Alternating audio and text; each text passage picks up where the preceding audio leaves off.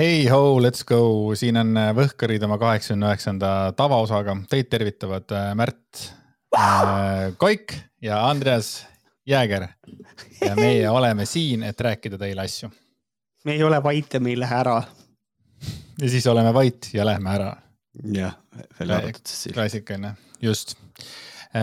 kui sa oled selline sõbrakene, kes tahab kuulata saateid järjest, siis nüüd ma teen hästi kiire tagasivaate, et eelmine saade toimus meil siis Patreonis www.patreon.com kaldkriips Vohkarid. Ja tolle saate nimi oli Automaks ajas Eesti tülli, kolmteist veebruar siis. rääkisime, kellest me rääkisime, Koit Toomest rääkisime, Koit Toome oli äh, väga kuri Tallinna linna peale, ta väljendas ennast reljeefsemalt kui tavaliselt. Äh, sellele vastas äh, abilinnapea Vladimir Svet, kes on kuulanud kõik Koit Toome laulud ära ja Code-One'i omad ka ja tegi sellest äh, vastulause.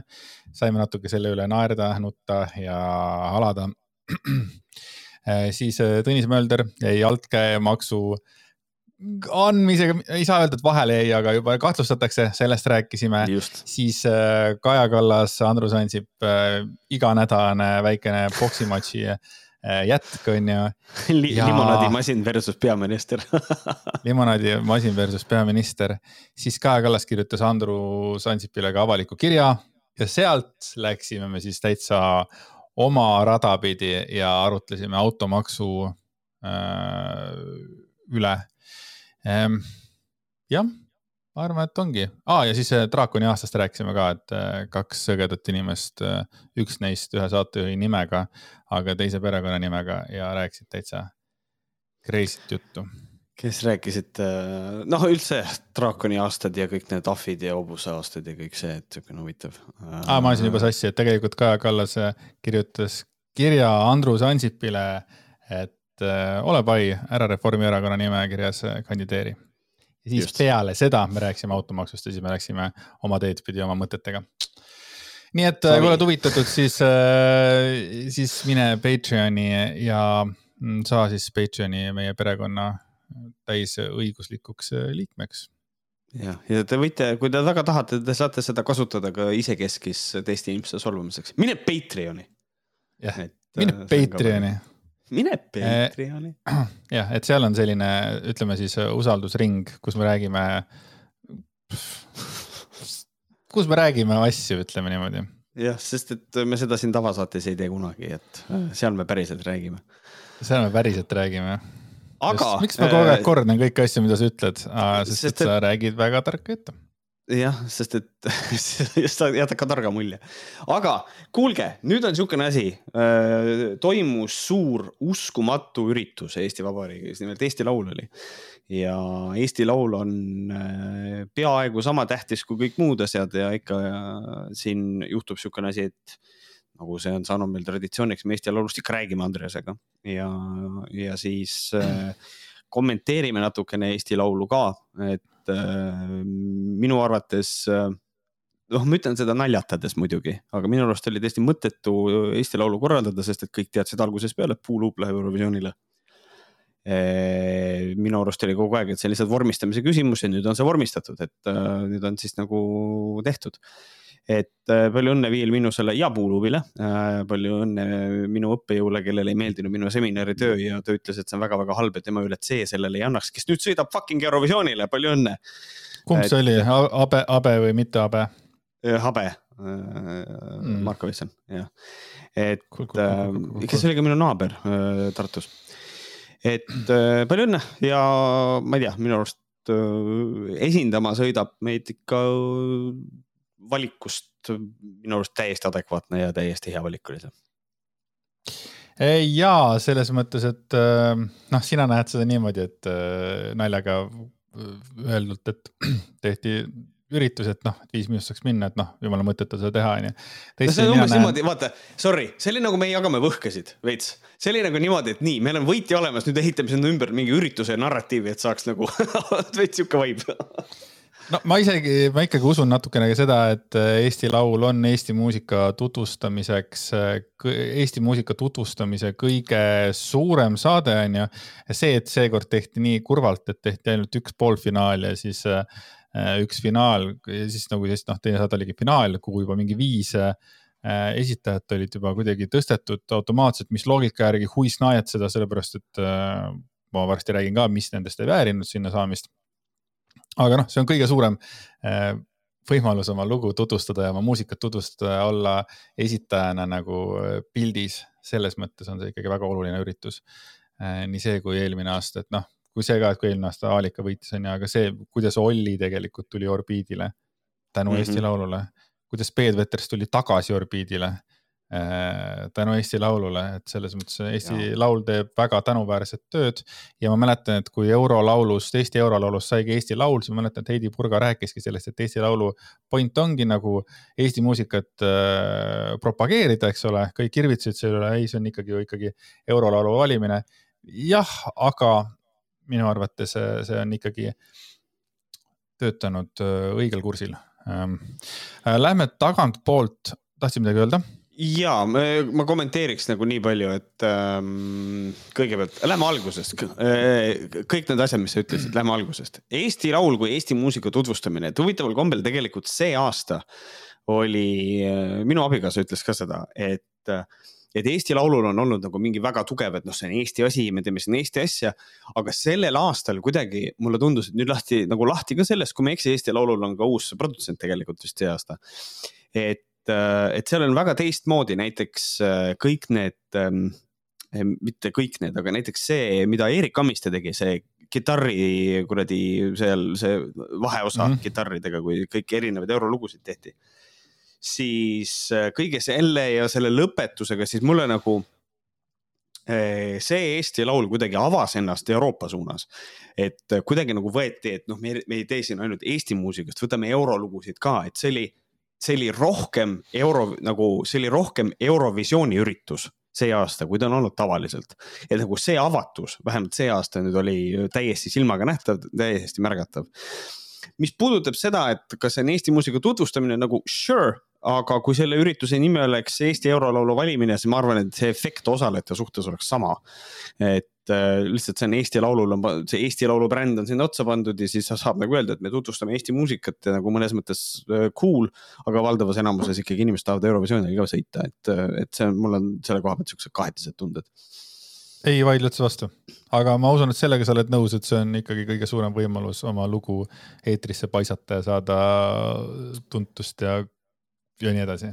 ja seda küll jah, muidugi. Äh, läheme tagantpoolt, kümnendale kohale jõudis Brother Apollo looga Bad Boy. Mm, esimesest hetkest, kui ma seda laulu kuulsin, mõtlesin, et amazing, see on nii äge, appi kui lahe.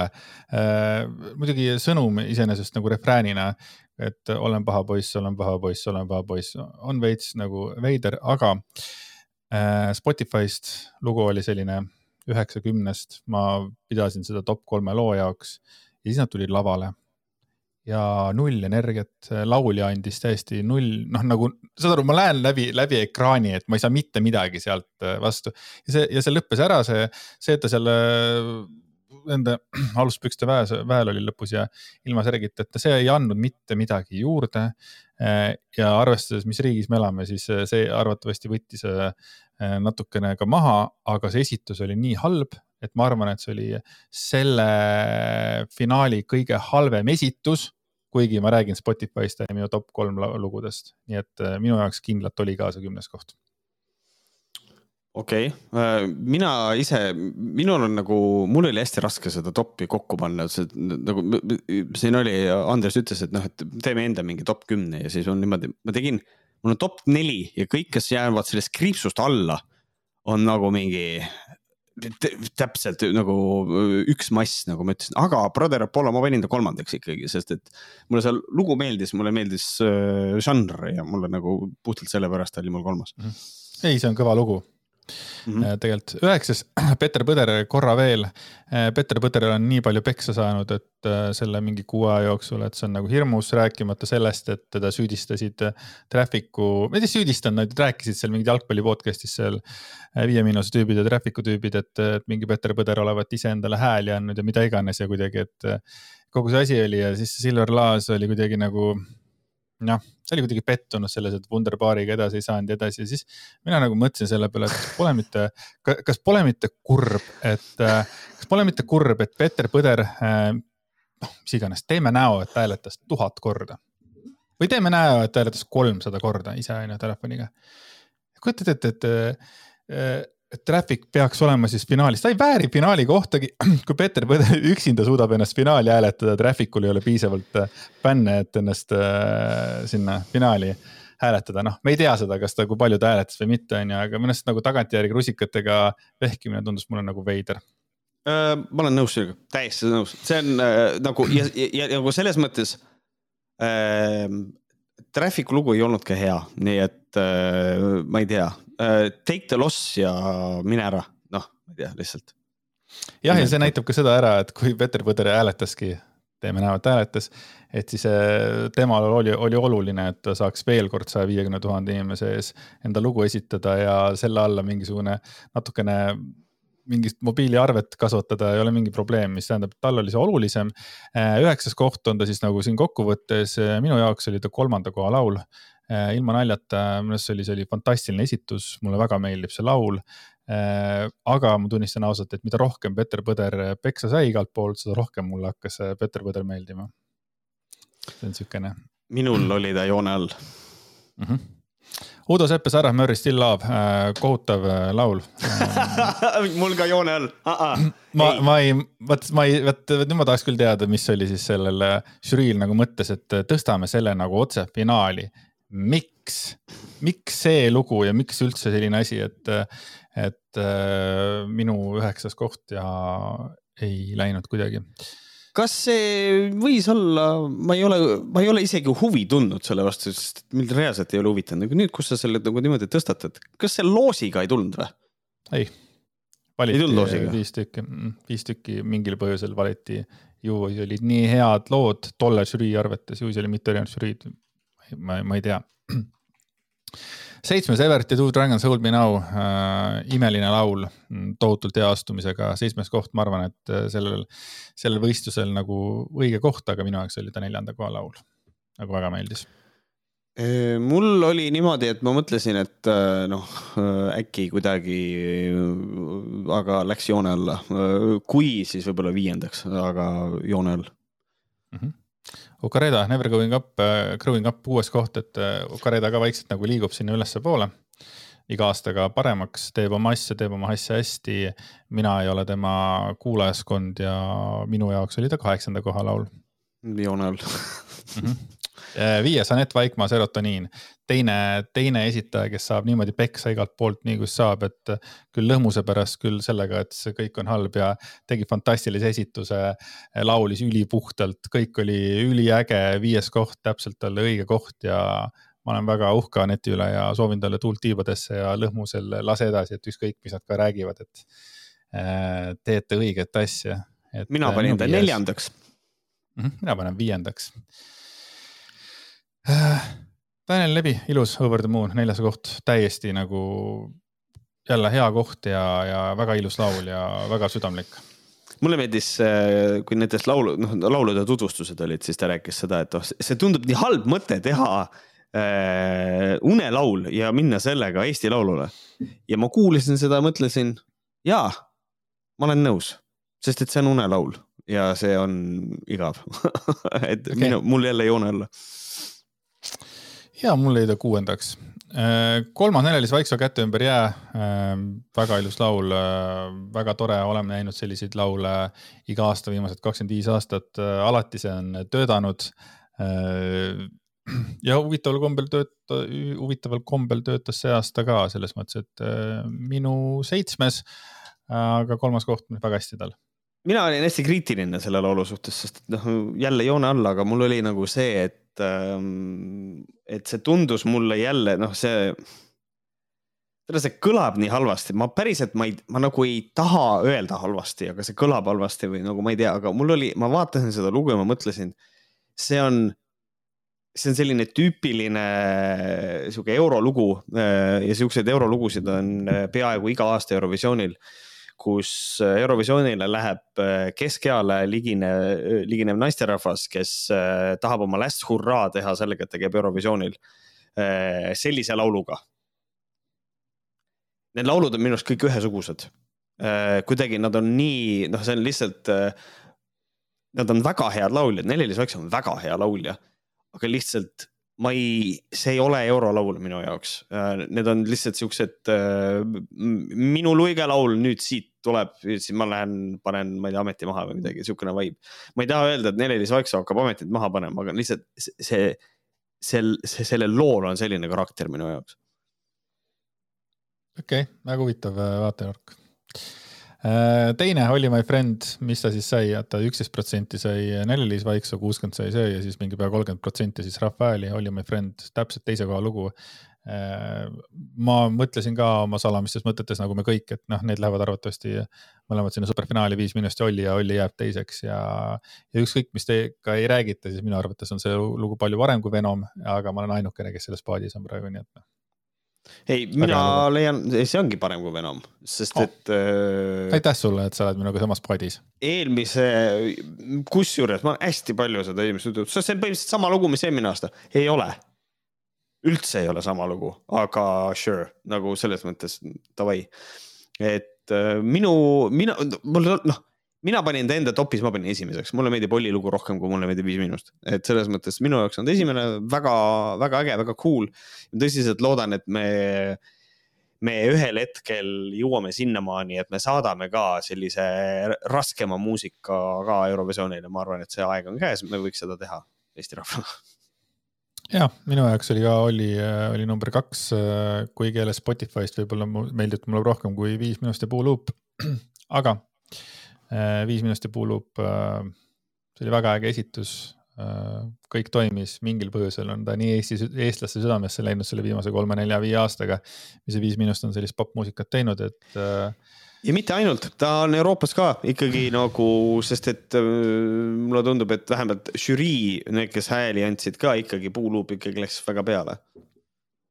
jah, ja, ja siin olen ka kuulnud seda, et arvatakse, et väga halb äh, finaal oli see oli väga tugev finaal, et äh, jah, selles mõttes, kui me nüüd mõtleme, et võidulugusid, et palju siin võidulugusid oli, jah, tõesti. ütleme, kaks lugu eristusid äh, kõvasti, onju, aga näiteks ma ütlen, et kümnest loost põhimõtteliselt seitse olid ikkagi nagu head lood ähm, et võib-olla tõesti Uudo ja Carlos ja võib-olla need ei läheks minu sinna playlist'i. ja mina nagu leian, ma tahan ka nagu nõustuda sellega, minu arust äh, tegelikult tase oli väga kõrge, et äh, siin minu arust eelmine aasta oli ikka oluliselt halvem minu arust äh, see finaal. et äh, laulude tasemed see aasta on ikka palju, palju kõrgemad, mulle tundub küll, et äh, hea muss oli, aga lihtsalt Viis Miinust oli nii selgelt võitja nagu, et, äh, et noh, nii ei olnud nagu mulle kuidagi tundub see, et nagu igaüks räägib sellest või no igaüks, paljud räägivad sellest, et nad äh, kõige halvem Eesti laulja üldse, et pä-pä-pä, et see on täpselt sama, et oi no kuradi, Eurovisioon on ikka vanasti ikka muusikaüritus, ta on ikka mingi homode paraad, nagu alati öeldakse. jah, ta on kakskümmend viis aastat olnud homode paraad, et nagu, et miks ei sellest veel räägita või nagu unustatakse ära, vahest oli iga kord oli tujurikkuja. siis oli, ei noh, eelmine aasta oli ikka parem, see ei olnud ikka päris see tujurikkuja mm. -hmm järgmine aasta, siis oli, ei noh, eelmine aasta oli ikka, ikka hea, see ei olnud ikka ja. see, et noh no, no, kuidagi, et lõpetage, kuidagi vanade inimeste mingi teema noh. see on hästi imelik ja ma, ma ei, ma ei tea, kuskohast see, see on nii nõme, kui inimesed nagu avastavad aasta aega hiljem, et tegelikult mulle meeldis Tüüriku ja lihtsalt nüüd, kus mul on võrdlus vahel, siis ei, ikkagi eelmine aasta oli, see on huvitav jah, et, et ja siis teine asi on see ka, noh, kui räägitakse sellest, et ei noh see on ikka kahtlane, et noh, issand jumal, kui see Iisrael oh,, rääkides Iisraelist, Jeesus Kristus. kui see Iisrael, kui Iisrael võitis äh, ja siis oli, noh, see oli tegelikult nii halb laul, et no ilmselge, et seal on nagu mingi poliitilised põhjused taga ja siis on nagu see, et. päriselt arvad, et on või, issand, milline, kuidas võiks küll olla niimoodi, et räägitakse selliselt julgelt, täpselt õigel ajal tabatud laulu temaatika ja siis no mingi kana võitis. ja ta võitis Eurovisiooni, sest inimesed, rahvas hääletas nende poolt. sorry, kui sulle ei meeldi, et see on nagu täpselt samamoodi. ja täpselt sotsiaalmeedias ka, et kuidas me saame saata sellise laulu nagu Viis Miinus, kuidas, mida, mis sõnumi me sellega anname? rahvas hääletas nagu ja teine asi on see, kuhu ma tahan, tahtsin ka jõuda, on see, et esimeses voorus hääletas kolmkümmend kolm tuhat inimest vist. ja teises voorus hääletas nelikümmend tuhat inimest. tegelikult see number on väike mis tähendab seda, et väga noh, mina leian, et ikkagi väga väike kontingent inimesi otsustab kes esindab äh, meid Eurovisioonil. aga, aga põlkavad need, kes ei, äh, need, kes ise ei hääleta kunagi. et nagu, aga sekku mm. aga sekku, hääleta ise. ei no mis see minu hääl siia midagi loeb, siin ja, kõik just. on, kõik on juba kokku lepitud ja, ja. vot täpselt siukseid luusereid meil ongi Eestis vaja, kes lihtsalt äh, virisevad, virisevad ja mitte munnigi ei tee. Mm, ma räägin loo, mida ma olen juba paar korda rääkinud oma elus, aga räägin korra veel, et siis, kui see kanalaul võitis, et siis ma mäletan, mul üks töökaaslane, sihuke vanem härrasmees, vene vanem härrasmees, siukene tuli, ta oli nii närvis, ta oli endast täitsa väljas nagu, et sihukene asi, et see ei saa olla, see on kui kokkumäng, ma ei tea ühtegi inimest, eh, kes oleks selle laulu poolt hääletanud, siis vaatasin talle otsa, et Eesti ei andnud talle mitte ühtegi punkti. see muu, see, see laul ei läinudki nagu eestlastele peale. jah, jah. et sa ei saa võtta nüüd selle järgi, et kuna kuna siis Peeter, Viljo ja Timari eh, ei hääletanud, tema ei teadnud rohkem ühtegi inimest, kes selle poolt hääletas. maailm on suur ja lai, selle laulu poolt võis hääletada kaksteist miljonit inimest. lihtsalt Eesti kuussada häält ei läinud arvesse, sest noh, no näiteks nagu, et mm -hmm. see on nagu hea loogika nagu, et ma ei tea ühtegi inimest palju õnne. Noh. no aga vaata, aga vaata, kui hea data point see sul on, nagu sul on see, et Eesti ei andnud, Eestis, Eesti ei andnudki teile ühtegi punkti, millest sa räägid, nagu see, see, et sinu nagu sõbrad ei ole nagu tema poolt ei hääletanud, see ei ole, see ei näita absoluutselt mitte midagi. või vabandust, näitab, Eesti ei andnud talle ühtegi punkti. jah, sest see ei läinud Eestile lihtsalt peale, et äh, Eesti muusika maitse on natuke teistsugusem, vähemalt no ma räägin nende punktidega võrreldes, me oleme siukene, ikkagi sihuke Skandinaavia maa, vaata, kes on kasvanud siukese Ace of Base'i, ABBA ja ma ei teagi, mis ma nüüd siia kolmandaks juurde paneks takti, taktis. must kuu no jah, omal ajal aga, mingi osa kindlasti. aga Eesti Laulul on üks asi, et äh, alguses oli nagu harjumatu, aga nüüd on juba tegelikult täitsa mõnus, on vaadata Eesti Laulu niimoodi. et Uku Suviste ei olegi ühe lauluga kohal see on ikka täitsa nagu värske. ikka no, täitsa sai, värske.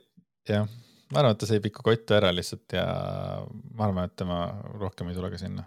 või on lihtsalt see, et äh, Kirkorov on äh, selja pööranud, sest et me oleme nüüd fašistid ja siis ei saa.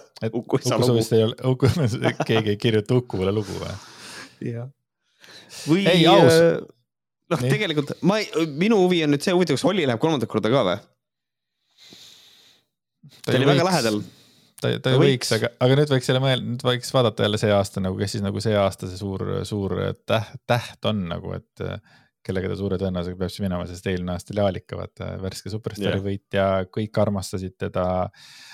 ja siis tuli fantastilise vokaalse looga, vaata ja siis, ei no eelmine aasta Olli ja Peeter, see oli parem, et nojah, aga inimesed armastasid Aalikat ja neile meeldis see lugu aga keda äh, väga ei armastata üldse enam, on äh, oravaid. Äh, oravad ei ole kellegi lemmikud, välja arvatud minu, mulle oravad väga meeldivad, oravad on väga armsad nunnud loomad ja nad on nii väikesed ja vahvade sabadega, aga mis lekkis, oli siis selline vahva asi, et ma ei tea, kas lekkimine päris on, aga et äh, Timo Suslov äh, on siis, mis ta on, kommunikatsioonijuht või?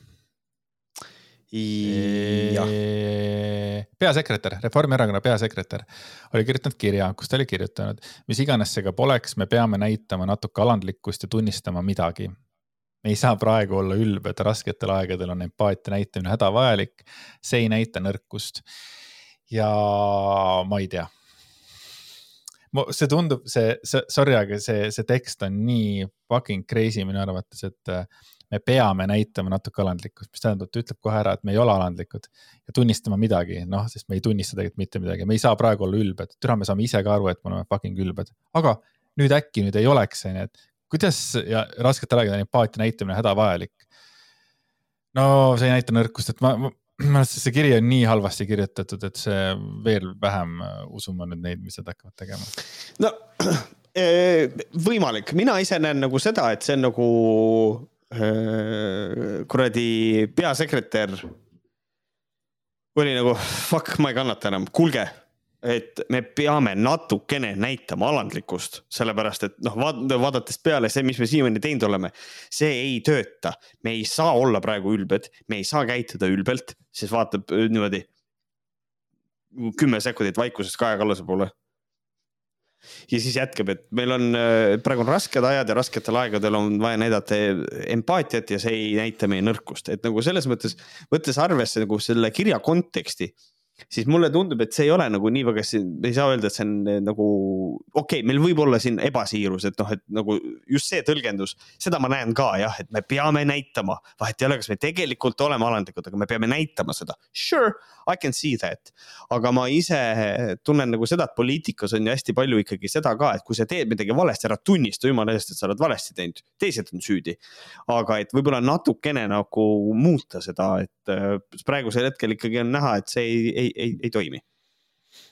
Jah, sinu, sinu selles mõttes äh, diktsiooniga või selle, ma ei tea, mis asjaga siis tujuga lugedes Äh, tõesti, see nagu oli palju parem kui minu nagu see tuju, kuidas mina seda lugesin nagu või see emotsioon ja tuju, noh, emotsioon nagu, kuidas mina seda lugesin, et äh, jaa, aga ikkagi kõik asjad lekivad või kui ei leki, siis lekitatakse ja kui see on avalik või see on salajane, siis ma ei tea, võiks kirjutada niimoodi, et, et kuidagi see niimoodi, et ma nagu päriselt mõtlen seda, et me oleme teinud mingisugust viga, mitte et me peame nüüd hakkama ja midagigi tunnistama ja tunnistama midagi, no mis, mis asi see on? aga ei, selles mõttes, et äh, Timo Suslov on Timo Suslov ja mina olen lihtsalt siin kõrvaltvaataja. Aga Päevalehes kirjutas seda ka, et on hämmastav, et nii pika poliittehnoloogilise kogemusega erakond juba aasta tagasi pärast Riigikogu valimisi ei saanud aru sellest, et rahvas andis neile suure avansi ja nagu selgus, oli selle edu taga ka poliittehnoloogiline mäng, mida mõttekoja Salk, Salk kaasabil mängiti. kampaanias välditi teadlikult ebapopulaarseid teemasid, näiteks jäeti mandaat maksutõusudeks küsimata. mõni ime, et paljud Reformierakonna äh, sümpaatselt suhtunud inimesed ennast petetuna tunnevad. Paraku oli selles algus.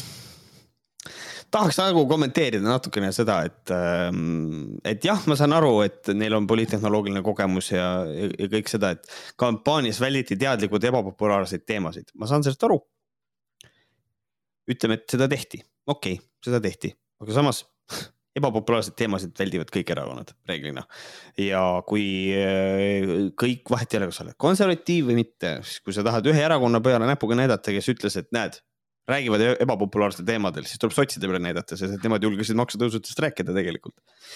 Ehm, ja siis see, et näiteks jäeti mandaat maksutõusudeks küsimata. mandaadid ei tööta nii, aga ma ei, ma olen, ma olen väsinud. saadaks selle, saadaks selle mandaadi video, videot vaatama, mul üks. saadaks äh, mandaadi videot vaatama. Äh, hea sõber tegi selle mm. -hmm äkki paneme Minu isegi sellise, ja äkki paneme selle lingi isegi siia Youtube'i lingi alla, et saab ühe Youtube'i lingi pealt teise Youtube'i lingi peale. jep, just. Aga nagu siin on kirjas on, paraku oli see ainult algus, valitsus klopsis riigieelarve augu lappimise kava kokku lohakalt ja kiirustades, mõelgem kasvõi automaksu saagale. kas sa sellega oled nõus? mina olen sellega väga nõus üldkokkuvõttes jah, et ähm, ebaselgus, mis asi see automaks on ja, ja, ja noh, nagu me siin ju rääkisime eelmises saates ka, et ei, see on, see on keskkonnamaks. siis tuleb teine reformierakondlane, noh, see on äh, riigieelarve augu lappimiseks ja siis tuleb kolmas inimene ja ütleb, see on nagu varamaks ja siis on nagu see, et mis ta siis on nagu üldkokkuvõttes. ei nagu, siis Kaja, Kaja, Kaja Kallas ütleb, et see on see maks, et me oleksime kaitstud, et Venemaa meile kallale tungiks aitäh, no nagu, mis okay. see on siis nagu, jah ja. aus see oli meie viimane äh, saade Patreon, sest me reklaamisin juba alguses siin. nii, äh, kirsiks tordil lahvatas augustis idavedude skandaal. Kaja Kallase abikaasa ja Venemaaga seotud ärid tõmbasid peaministri poliitilisele karjäärile peaaegu vee peale. Endiselt soovib kaks kolmandikku küsitlustele vastanuid Kallase peaministri ametist lahkumist. tahad kommenteerida? ei ole midagi kommenteerida, kõik õige. siis läheme õige, seega on Reformierakond ja Kaja Kallas praeguse madala reitingu ise välja teeninud. Pole põhjust süüdistada EKRE-t, obstruktsiooni, eurosaadik Andrus Ansipit või keda tahes. just, jumala õige see on mega õige jutt kõik, et nagu siin ongi tegelikult ikkagi Reformierakonna enda pläkk, et nagu muidugi EKRE-t ei saa kohe mitte milleski süüdistada, EKRE on, kiunub ja blokeerib ja ek, EKRE-le ei meeldi niikuinii mitte miski, välja arvatud nemad ise. aga ja. see madal reiting on ikka enda tehtud jah kas sa tahad öelda, ei, ma ei ütle. Äh, nüüd jääb praktiline pool, saab näha, kas näiteks Kaja Kallas ise ka erakonna uut plaani järgida suudab. on ju viimasel ajal raske leida inimest või institutsiooni, kellega temaga, kellel temaga kana kitkuda pole. oluline on ka rõhutada, et suhtumise muutus on ainult väike osa rehkendusest, kuniks Kaja Kallas jätkab vanal viisil Reformierakonna juhtimist, on partei reitingu kasvatamisel klaaslagi ees veelgi olulisem on riigi tasand, vajame praegusel keerulisel ajal professionaalset riigijuhtimist. Reformierakond peaks võtma, võitma rahva usalduse ja toetuse tagasi eelkõige tegudega. jah, ilus juhtkiri. Need peavad imelised teod olema, et väga äh, seda väga teod, palju, et seda nagu tagasi võita, et äh, selles mõttes küll, et nii palju, kui mina kuulnud olen, siis äh, Kajal natukene on nagu see probleem, et hei, kommunikatsiooniplaan on selline Äh, ja siis Kaja läheb off script, äh, et nagu, kui ta seda järgida ei suuda, siis ongi noh, aga teisalt noh, okei okay,, jällegi. minu esimene point oli see, mis ma tahtsin öelda, teisalt see on tema exit niikuinii, et ta on, äh, ta on siin, ta lõpetab oma peaministri selle ära ma ei usu, et ta uuesti peaministriks saada tahab, et tal on seda isu, et teda Reformierakond sinna tahab ja ma arvan, et ka juhi pingist eh, nagu erakonnal ta läheb minema ähm,. aga teisalt on vaja ikkagi arvestada sellega, et tema õlul on hästi palju seda, et erakonna reiting ikkagi tõuseks. sest et ta ei saa ka erakonda põhja lasta, et siin on nagu sihuke keeruline olukord. jah, loodame, et ei ole ühtegi uut sõda tulemas mille valguses Kaja Kallas tunduks jälle sõjaprintsess, mida ta tegelikult ka oli alguses. või siiamaani on või? ikka välispoliitiliselt ta on ikkagi, ikkagi veel tugev tegelikult, välja arvatud üks, see, kui ta sattus on... kogemata, kogemata pildi peale valede inimestega. muidu on kõik chill jah muidu on kõik chill, aga see kogu see sõjaprintsessi asi tegelikult noh, on ju ainult positiivne, et selles mõttes ta on välispoliitiliselt, ta on ikkagi välismaailmas, ta on ikkagi väga tunnustatud inimene siiamaani, et äh, siin lihtsalt oma inimesed ei kannata teda jah, mis on tegelikult kõige sitem variant. Mm, jah, just talle endale nagu, aga karjääri mõttes ma ei tea, võib tõusta küll. ma arvan. nii äh,, olin korraks eemal, aga olen juba tagasi kiire mees. nii, aga räägime veel reitingutest ka. kas sa tead midagi, kes on praegu ees, kes on taga ja kes on äh, naise naba, nagu öeldi vanasti? esimest korda kuulen äh,. sa ei ole aga... kuulnud, kes ees see mees, kes taga see naise naba? ei. päriselt ka või? mina üksinda tean, et sellist asja on öeldud terve elu või? see, jah. okei okay piinlik ei, ei absoluutselt ei ole, come on, see näitab äh, tolle ajastu, kõik need sellised äh, vanasõnad on ju seotud sellega, et kuidagi naine on äh, mehh yeah. ja hei, mees on ikka õige vend. no see on nagu jah, kõik siuksed nagu, mis nad on, üheksa korda mõõda, üks kord naise naba. ja siis hirmul on suure naise naba. ja. parem vare, parem vares peo, peos kui naise naba katusel. jah või siis äh, naise naba on õhtust targem. või siis äh, loll lolli ikka naise naba tunneb või midagi taolist jah, aga reitingutega on niisugune asi, et ähm, siin äh, Ekspressi poliitikaradar äh, artikkel on olemas ja, ja siis ka see, et äh, reitingud.ee võite minna ja vaadata, mis seal räägitakse, et tegelikult, et äh, kõige sitem olukord näiteks on, on ikkagi Keskerakonnal, et Keskerakonnal on, äh, on nagu nii perses, et nende reiting on kukkunud äh, nelja nädala keskmine kümme protsenti. Keskerakond on põrandal, et nagu selles mõttes ilmselt ikkagi nagu järgmistel valimistel, muidugi me ei tea, igast asju võib veel juhtuda, aga kas sa kujutad endale ette näiteks sihukest olukorda? et kas on, kas oleks võimalik aasta võhka üldse anda kellelegi teisele? Kui toimuvad Riigikogu valimised ja Keskerakond ei saa mitte ühtegi mandaati täiesti perses. et nagu sinna veel kukkumist on, aga see on lihtsalt nii tuksis on see asi neil, et äh, ma ei, ma ei kujuta ette. ja ma ei ole märganud ka mingisuguseid nagu teemasid nagu millega nad kuskil praegu äh, hõlmitseksid ka või räägiksid või kiunuksid, et jumala vait on, täiesti ja, et... nagu kadunud nagu ja et, et Mihhail Kõrvalt, et kuidas teil erakonnal läheb äh,? on kõik läinud välja, aga lähme julgelt edasi. ma arvan, ei, ma arvan, nad teevad suurt plaani. võib-olla neil on hoopis päriselt olemas pikk plaan. mitte nii lühikene nagu Eesti kahesajal, aga et päris pikk plaan ja sellega nad praegu tegelevad, seal Kõlvart ja kes seal veel oli äh,? Reidi Looja ja ongi, ongi vist kõik või? jah, ongi põhimõtteliselt kõik. ega neid seal ega neid seal palju pole. Svet, Svet, kuule, Svet oli, Vladimir Svet, tema on ja. ikkagi Keskerakonnast, tema on kõva selles mõttes, äkki saab ikka rohkem hääli Koit Toome laulude teadmise tõttu äkki kutsub Koit Toome veel Keskerakonda? sa saad Mitte. siin kiirelt tõusta jah, sa saad siia mingi märgike, sa saad selle siia mingi märgikese juurde, sa oled linna, linnavolikogu liige ja seal siis sa võid parkida ka igal pool oma Maserati ja, ja Ferrari ja Porschega just, just. Ähm, Reformierakonnal on ka pahasti, Reformierakonna reiting on seitseteist äh, ja, ja püsib seal, et, äh, et ikkagi noh, millest me ka just rääkisime, et tegelikult, et Reformierakonnal on ka ikka üsna, üsna sitt seis. Andrus Ansipi häälte peal ainult äh, püsib. jah Ansip üksi on Reformierakond praegu. põhimõtteliselt küll. siis äh, Eesti Konservatiivne Rahvaerakond on äh, läbi teinud äh, languse ja on ka seitseteist protsenti, et on äh, seal noh, võrdne Reformierakonnaga. aga, aga et jah, et sama, samamoodi on kukkunud, aga võtame siis meie kuradi Rocketmani, milleks on Isamaa, et Isamaa on lihtsalt kakskümmend seitse, noh. ja see on jõhker.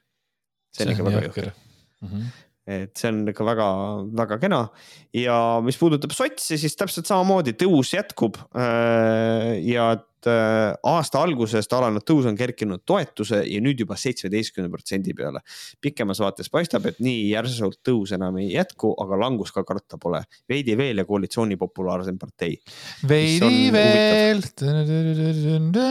aga selles mõttes on huvitav on see, et need on äh, kolm parteid on põhimõtteliselt ühe pulgapäev ja see yeah. ju demokraatiale on pigem positiivne, kui see korraks tekkiv, tekkinud kahe partei süsteem, millest üritati meid äh, veenda kõvasti. jah, just ja siis äh, kõige lõpetuseks võtame Eesti kahesaja, mis on kõhugripiga pasandab Bellaris oma kolme protsendiga. Äh, neil on ikka täiesti kusipüksis, et sellega on ikka täielik jama, et. võiks öelda. kunagi oli see kakskümmend protsenti, nüüd on seitseteist protsendipunkti madalam võiks öelda, et Eesti kakssada võtab koos parempoolsetega praegu poe, poe taga suhu. et, et ikka väga halb seis ja et kui esa, erakond Eestimaa Rohelised on oma ühe koma kolme protsendiga põhimõtteliselt Eesti kahesajale kuklasse hingamas, et siis ma ei tea, mis seal tuleks teha, et aga uus juht tuli Eesti kahesajasse mõni kuu tagasi ja, ja pidi liigutama ja. mägesid, aga mida ta praegu liigutab, on numbreid allapoole, kuigi tegelikult ma ei arvanud ta liigutab, ta liigutab ja terve erakond üritab talle selgeks teha, sa lükkad seda mäge valele poole, Marx aga ma arvan, et Marx äh, ei ole süüdi selles, äh, mis toimub, Marx on lihtsalt see, äh, kes ei suuda nagu Kõlvartki um, uppuvat laeva hakata seda vett nagu välja kühveldama ja see auk lihtsalt järjest suureneb praegu, ta ei saa midagi teha siin tuleb teha see nali, et Keskerakonnas ei olnud võimalik vett välja kühveldada, see vesi läks ise erakonnast minema ei, jah siin on sihuke, sihuke olukord. aga, äh, aga... rääkides meie, äh, meie poliitikast, äh, siis võtame Jumala Solase, kes on väga salliv ja tore inimene.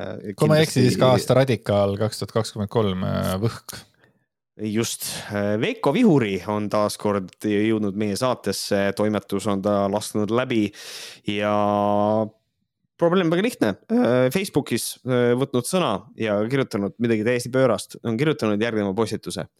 ma ei tea, kuidas see juriidiliselt võimalik oleks, kuid EKRE fraktsioon võiks Riigikogust ära tulla sellega antakse ühiskonnale sõnum, et parlamentarism on surnud ning riigivõimu kuritarvitatakse.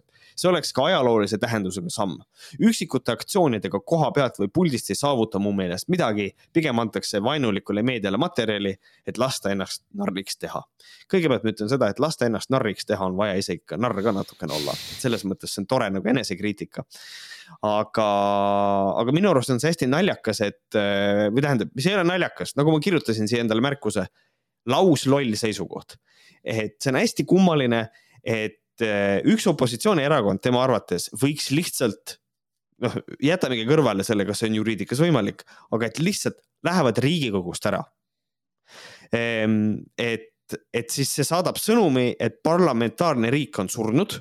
siis mul tekib küsimus, kas seda võib teha siis iga opositsioonierakond, kui nad tahavad, et võtame näiteks koos ütleme, et koos oleks saanud Riigikokku kaks liiget. Ja nüüd nad lähevad Riigikogust minema. kas see saadab ka selle sõnumi, et nüüd parlamentarism on surnud, see või see võib olla selle fraktsiooni sõnum, aga see ei tähenda, et see tõele vastab. rääkimata sellest, et kui äh, EKRE-kad astuvad äh, päriselt, äh, lähevad Riigikoguks minema siis noh, mida nad saavad teha, on see, et nad lihtsalt ei käi kohal, see õigus on neil olemas, EKRE lihtsalt ei käi enam tööl. Palk tiksub, tööl ei käida, opositsioon äh, sisuliselt on, on murtud obstruktsioon. ehk siis nagu palju õnne, et selles mõttes, et see, see on nagu siis konkreetselt teate, mis asja, ma olen Veiko Vihuriga nõus, tehke ära, päriselt, see on kindlasti teie reitingule ka väga hea. mega loll seisukoht, ma, ma, ma olen täiesti hämmingus, et siukse, et inimene selle nagu kirja pani. see, see, mida nagu mida EKRE, parlamentarism on surnud, ei ole, parlamentarism töötab väga hästi, sul on nagu fraktsioon olemas, teevad obstruktsiooni, kõik see, aga, aga sure, las nad siis lähevad ära. et see on nagu, see on nagu hästi huvitav, et sisuliselt ütleb EKRE-le, andke alla ja minge minema ja jätke meie, jätke meie riik nende kätte, see on huvitav valik iseenesest, ta vist hakkab alla andma vaikselt no minul tuli selle mitte äraminemisega, äraminemisega üks lugu meelde, et kunagi oli Eesti otsib superstaari, ma eeldan, et see oli esimene hooaeg ja seal oli üks tüüp, kes laulis ja talle öeldi ei. ja siis midagi oli, et nüüd ta on nii kurb ja siis ta ütles, et äh, ma ei lähe ära. ja siis Vihkeraadi küsis, mis sa ei lähegi nagu ära või? ja siis ta nagu ei, ma ei kavatse elust nagu ära minna või kuidagi, et noh, et ei, ma ei kavatse seda ära tappa midagi taolist. aga iga kord, keegi ütleb, ma ei lähe ära või lähen ära, siis ma sa ei lähegi ära või? et äh, ma eeldan, et EKRE ei lähe ka ära, et ükskõik, äh, mida see Veiko Vihuri kirjutab, et Veiko Vihuri võib ju kirjutada mida iganes ta tahab, aga tegelikult ainukene ainukesed inimesed, keda kotib, mida Veiko Vihuri kirjutab, on Andres Jääger, Märt Koik ja Eeva teemad, et et tänu meile. Varro ka, Varro jagab ta asju. seda küll jah, ja Markus räägib temaga, selles mõttes, jah, viis inimest, aga et, et ma arvan, ta elab üldsegi tänu meie tähelepanule. Ehm, aga, aga meil on content'i, nii et Veiko, pane hullu edasi, räägi täiesti mõttetut paska. Eh, edasi, aga meie lähme nüüd selle teema juurest ära ja võtame kinni Timofei Sarapi kaelast. Ja veame teda mööda Õhtulehte, kust me leiame pealkirja, mille nimi on sooneutraalsed riietusruumid, kuidas peab neljateistaastane tüdruk käituma, kui kolm korda vanem mees vaatab teda riietumas. kuusteist veebruar Äh, kordan uuesti. ma lihtsalt ütlen, äh, ma lihtsalt, ma lihtsalt ütlen ruttu vahele ära, et äh, Timofei Sarap, võttes, eriti võttes arvesse, milline on selle artikli pealkiri, minu arvates on tegu mölakaga, aga uh. loeme ja siis ma põhjendan, miks ma nii arvan noh, tead, ma täitsa kohe huviga ootan, aga hakkame siis täitsa niimoodi otsast minema, sest et see lugu on selline mm, lugu Vau. hiljuti käisin ujumas ühes Tallinna spaakeskuses, kuhu pärast mitu kuud kestnud remonti ilmus kaasaegne uuendus, nimelt sooneutraalne riietusruum. esimene mõte, segadus. teine, hirm, mis ainult süvenes, kui uksest astus lapseohtu tütarlapse järel välja kaks mürakat meest, ise kõvasti naerdes. See pole nali nii tahad midagi öelda vahele jälle? ma lihtsalt mõtlen ei. seda, et see on tore, et äh, palun jätame meelde selleta käis ujumas, see, see on hästi oluline, aga teine asi on see, et äh, ta ise kõvasti naerdes, need mehemürakad, keda ta siin nimetab meesteks, et kes naeravad, mul tekib küsimus, et miks ta selle naermise siis sisse toob, kas ta on kuidagi seotud või milles see asi on? Ma mõtlen ka, et äkki, äkki kogukamad äh, siis, mis on siis neljakümne kahe aastased mehed ei tohi omavahel rääkides nalja teha, sellepärast äkki Timofei Sarap näeb ja paneb selle. ja seob neid millegipärast väikeste lastega. just, või õigesse, no me ei tea seda, aga noh, kui nad lihtsalt tegid nalja ja naerisid omavahel, siis see on väga valesse kastmesse pistetud, aga see pole nali, jätkab Timofei. mul kulus paar minutit enne, kui suutsin end koguda huvi, ma, ma nagu, ma olen siia kirjutanud, et nagu see, et noh, see on nüüd nitpicking, mis ma teen, nagu huvitav, kas see nagu päriselt ka oli nii. et ta nägi, et on, et on sooneutraalne riietusruum ja siis ta lihtsalt paar minutit seisis. käed niimoodi põskede peale lihtsalt oot-oot-oot oot-oot-oot, oot-oot-oot, et kas see nägi niimoodi välja või on see lihtsalt kunstiline liialdus? ei, ma mõtlen ka, et nagu need tulid, mehed tulid välja, kas ta oli juba pileti ära ostnud või juba tuli ära, ma ei saanud sellest aru, kas ta jäi nagu sinna seisma sinna, ma eeldan, et seal on ka mingisugune noh, mingi klõkk või, või mingid näitab mingit asja ja siis see tuleb eest ära igatahes ta tõesti kaks minutit seisis. sellepärast, et kaks äh, kogukamat, äh, ütleme umbes keskealist meest siis naersid okei okay. mm. -hmm. uurisin puhtalt huvi pärast teenindajalt, millise eesmärgiga selline uuendus äh, oli ette võetud. keskealine naine vaatas mind tühjalt, miks see nii oluline on? Lihtsalt nagu. keskealine naine vaatas mind tühja pilguga, millest võis välja lugeda, küsi palun midagi kergemat. ta siiski vastas, et tegemist on levinud tavaga. hea teada. okei okay., olgu täitsa võimalik, et ma jäin mingil hetkel Cool Expressist täiega maha ja lihtsalt pole võimeline niivõrd innovatiivset kontseptsiooni endale pähe mahutama ja sooneutraalsete riietusruumide kõikehõlmavaid rõõmusid kõrgelt hindama. Teisalt on mul tõesti raske eitada ohte, mis peituvad selle suundumuse taga. no okei okay. Cool, Cool Expressist jäi maha, jah, mhm. sa jäid Eesti Ekspressist maha tegelikult see ei olnud üldse naljakas nali, aga see nagu jaa. ei, ma saan aru sellest. Teie, aga ma nagu ei saa sellest, mina ei saa sellest nagu aru, et ma mäletan, et äh, Otepääl oli juba mingi viisteist aastat tagasi oli juba esimene niinimetatud sooneutraalne riietusruum et kas see on tõesti nii Cool Express, et see ei ole nagu nii värske teema ju nagu nüüd siis või? ei ole jah, tegelikult, tegelikult ei ole, aga, aga ja, mulle tundub. ja Ally McBealis nagu oli nii... juba sooneutraalne WC oli juba aastal üheksakümmend seitse, nii et see on peaaegu kolmkümmend aastat tagasi. just, et aga noh, mulle tundub, et ta lihtsalt on, talle meeldib olla oh, outrage, et see on ühesõnaga, aga hea küll lähme edasi eelmisel aastal arreteeriti Suurbritannias Essexi koolis teismeline poiss sooneutraalses tualetis sooritatud seksuaalrünnakute tõttu. kirjanik J.K. Rowling postitas selle peale ennekuulmatut pahameelt tekitanud säutsu X-i. see oli täiesti etteaimatav ja ennetatav. uurimine leidis et, et kaheksakümmend kaheksa protsenti seksuaalkuritegudest leiavad aset uniseks riietusruumides, kirjutas Harry Nii, Potteri looja toona. ma kohe pean sekkuma ta kirjutab siukse lause, uurimine leidis et, et kaheksakümmend kaheksa protsenti seksuaalkuritegudest leiavad aset uniseks riietusruumides. see on, äh, see, see on vale väide. Äh, siin on puudu hästi oluline detail. see lause ütleb praegu, et kui sa võtad kõik seksuaalkuriteod siis nendest kaheksakümmend kaheksa protsenti leiavad aset uniseks riietusruumides. täielik fucking nonsense tegelikult ja kõige naljakam on see, ma mõtlesin kohe J.K. Rowling, et võib-olla J.K. Rowling isegi tweetis seda. ja originaal äh, säutsu, mille Andres mulle üles leidis, ma lugesin seda originaal säutsu ja selles säutsus on ka kirjutatud nii, kuidas see tegelikult on. ehk siis äh, see on äh, äh, riietusruumides aset leidvad riietusruumidest aset leidvad seksuaalkuriteod.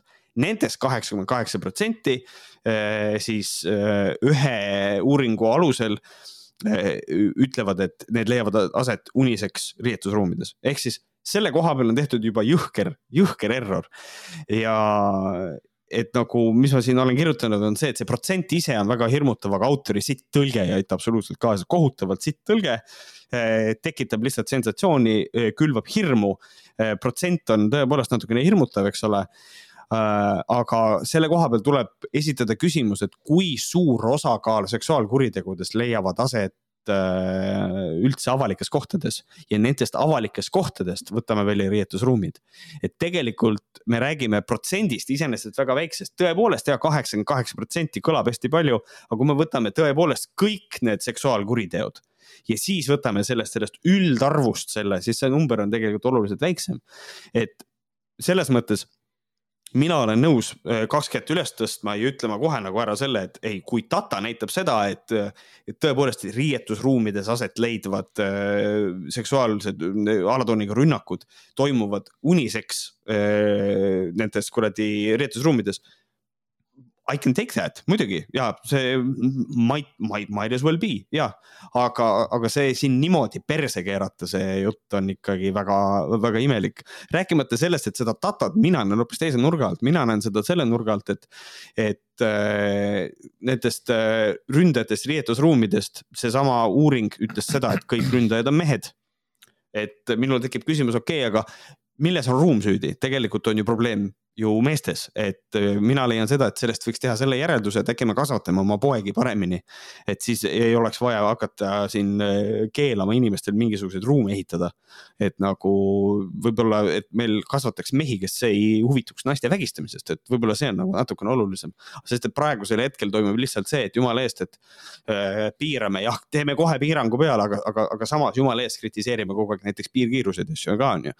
et, et nagu ma ei saa aru, seda kultuuri võiks parandada, et see noh, mina näen seda datat natukene teistmoodi, aga, aga. kas sa ütlesid, et see oli, tegelikult siin kirjas oli gender neutral toilets või?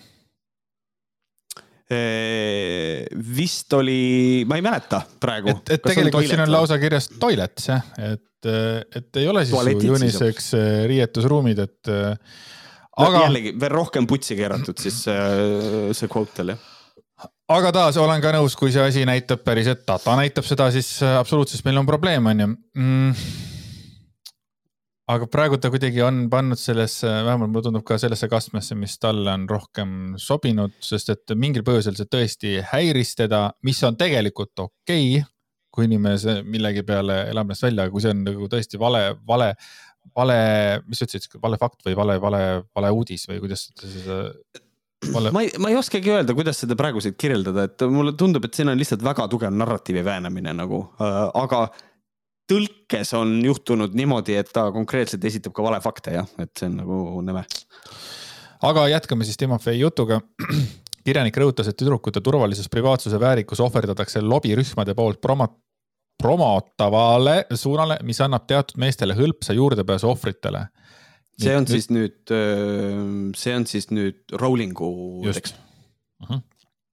ja nüüd ta ütleb, ärge mõistke mind valesti, ma ei väida, et iga mees on pervert ja iga naine on süütu, sulgudes või siis vastupidi, kuid kõik üheskoos riietusruumi ees seistes on mul raske Rowlingu sõnadele mitte mõelda kuidas peab neljateistaastane tüdruk käituma, kui mingi imelik temast kolm korda vanem mees vaatab teda riideid vahetamas? Nii, ma muigasin sellepärast, et äh, Timofeil on vist arusaam, et on same-sex äh, riietusruum, kõik lähevad sinna, kõik äh, võtavad ennast seal alasti, vahetavad seal kõik, kõik välguvad, kõik kürvad, kõik asjad, kõik, kõik, kõik tissid vehi, vehivad kõik. ei, nii palju kui mina olen käinud, ma ei ole tihti käinud, ma olengi käinud seal Otepää same-sex'i omas, B-spaas on same-sex'i oma ja paaris korras olen veel käinud, siis on olemas väikesed kabiinid või noh piisavalt suured kabiinid, et inimene saab võtta oma äh, teksapüksid, oma särgi, oma rinnahoidja, oma äh, aluspüksid või siis äh, mis iganes parasjagu vaja on ja läheb ja paneb need seal selga. ja siis tuleb välja ja paneb jope peale ja jalanõud jalga ja astub välja. milline uskumatu kontseptsioon. Aga... ja kõige parem on ja kõige parem on selle juures kuhu ma tahtsingi jõuda, ma palusin enne asja meelde jätta, et naljakas on vaata see, et äh, sa kirjeldad seda äh,. et noh, ja siiamaani on selline tunne, et kuida-, et, et vanem mees vaatab teda riideid vahetamas äh,. Sorry, aga Timofei käi-, ta kirjutas, käisin ujumas, ta käis ise selles riietusruumis. mida vittu sa valetad? et nagu siin mul ongi nagu see koht, kus kohas ma nagu leiangi, see on konkreetselt, see on valet-, see on valetamine, see on pahatahtlik. et siin on, et täpselt nii nagu Andres ütles, seal on olemas kabiinid, kus kohas inimene saab ennast paljaks võtta ja oma riided ära vahetada. et no ja nagu ma olen siia kirjutanud, ma loodan, et autor on rahul, et ta on konkreetselt valetanud ja sellega inimesi üles kütnud ja sellepärast ma leiangi, et see on, noh, see on täiesti häbiväärselt mölaka inimese käitumine. et nagu, kus koha, kui palju eh, nagu üldse selles artiklis ei ole kirjeldatud üldse selle asja ülesehitust. siin on, oo, siin on sooneutraalne see riietusruum nagu that's it aga kirjelda, okei okay,, aga kuidas see siis välja nägi, kuskohast vahetati riided, kas seal olid kabiinid? me nüüd jõuame selleni, aga lihtsalt kogu selle jutuga kõigepealt hirmutatakse, eks ole, siis võetakse kuradi tuntud äh, ühe tuntud inimese mingisugused kvootid, mis on ka baseeruvad äh, siuksel natukene huvitaval datal, eks ole. ja siis kõige lõppu on see, kus kohas ta tegelikult mainib kabiine, ta veel jõuab seda teha. et, äh, et see on, et kui sa oled ise seal läbi käinud, aga miks ta ei kui ta ise ujumas käis, aga kirjelda, kui palju seal oli neid äh, neljateistaastaseid tüdrukuid, kes ennast alasti võtsid ja seal riided vahetasid. kui palju seal mehi oli, kes sedasama tegid? Et nagu enlighten me palun, et nagu see on see info, mis tegelikult oleks siinkohas oluline, aga mingil põhjusel jättis selle tegemata ja ma ütlen, et ta tegi seda meelega. lihtsalt sellepärast, et ta saaks nagu inimesi üles kütta, minu arust, see on, see on minu tunnetus, kui ma seda artiklit loen. ja ta jätkab, et milleks on vaja kätega soodustada olukordi, mis võivad väga kurvalt lõppeda. keegi võib vastu vaielda, et riiete vahetamiseks saab üksi kabiinidesse eraldada, kuid olgem ausad, need kipakad uksed ei pakuks eriti palju turvalisuse tunnet ega pingevaba kogemust. milleks on vaja lammast lõvi juurde puuri visata? no esiteks lammast lõvi juurde puuri, lõvil on instinkt, mille alusel ta murrab lamba maha, me inimestelt ikkagi eh, ootame palju enamaid asju, aga aga, aga, aga jällegi ta, et ta nüüd ütleb, et noh, tegelikult seal on kabiinid ja siis ta hand-wave ib need kohe, aga noh, seal on kipakad uksed ees. et tegelikult on nagu kõige lõpus vaja välja tuua, tegelikult jah, seal on kabiinid, aga, aga siis on see, aga need uksed ei kannata. ja, ja et siis see jätab nagu sellise mulje, et okei okay,, et siis tegelikult vägistamine on niisugune hästi casual asi, et ma lähen, ma lähen Tallinnas ühte spaasse ja kui ma vägistada tahan, siis ma lähen avalikus kohas, avalikus, kus on inimesed koos selles suures ruumis, eks ole. ma lähen ja rebin ühe ukse eest ära ja hakkan vägistama seal või. et see on ikka täiesti nagu, see on täiesti hullumeelne. ma olen valmis tunnistama seda, et meil võib olla tõepoolest on nagu sooneutraalsete mingisuguste ruumide või, või nagu tualettidega, et sellega võivad kaasneda mingisugused probleemid. aga minu peamine küsimus on nagu see, et okei okay,, aga kui palju sellest nagu tegelikult, tegelikult nagu määrav on nagu noh, me oleme sellest enne rääkinud ka, et äh, mees pervert on ju, mõtleb, nii, ma lähen käpin ühte naist täna. ja siis läheb WC ukse juurde, vaatab, et seal on see silt peal, kus on naine ja siis ütleb, oh fuck, ma ei saa minna siia. nagu selles mõttes, kui pervert tahab midagi teha, siis ta teeb ka seda nagu.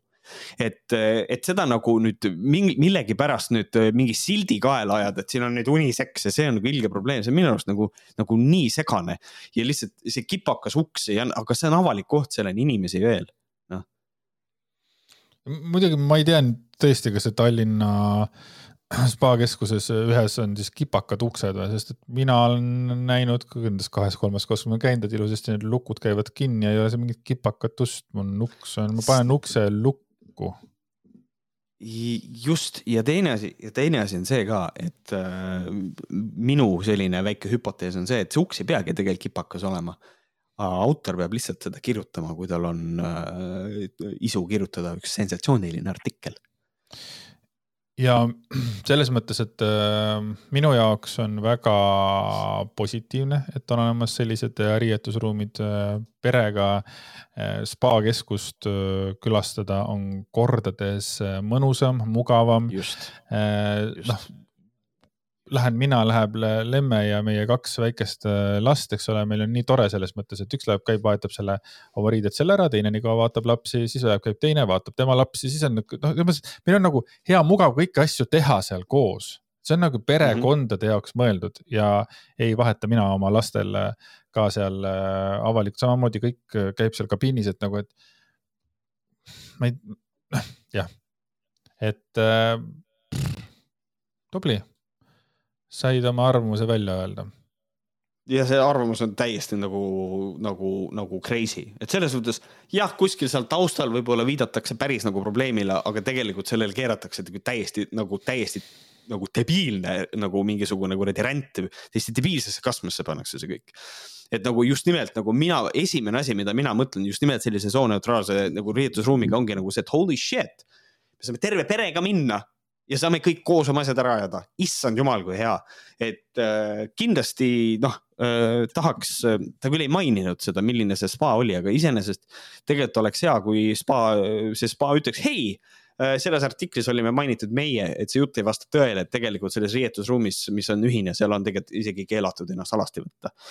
Äh, et noh, et ma ei tea, ma ei, ma ei tea, kas on, aga see, kui oleks, siis oleks väga hea, kui see spa võtaks äh, nii-öelda munad pihku ja teeks siukse, siukse teadaande miks see keskealisustele ka praegu kuidagi närvidele käib, küll on keskealised mehed ja siis on nagu keskealine naine ja on seal ja vaatas, et ma, ma nagu, mis see on, mis see point on see, siis nagu? see on hästi nalja, vaata ja siit artiklist tuleb see asi välja ka, vaata, see on nagu see, et kuhu me oleme, issand jumal, see on nii veider rant, on ju, aga kuhu me oleme jõudnud selle nii-öelda siukse patriarhaalse maailma korraga ongi nagu see, et ma olen seda enne ka rääkinud, meeste elud ei maksa absoluutselt mitte midagi.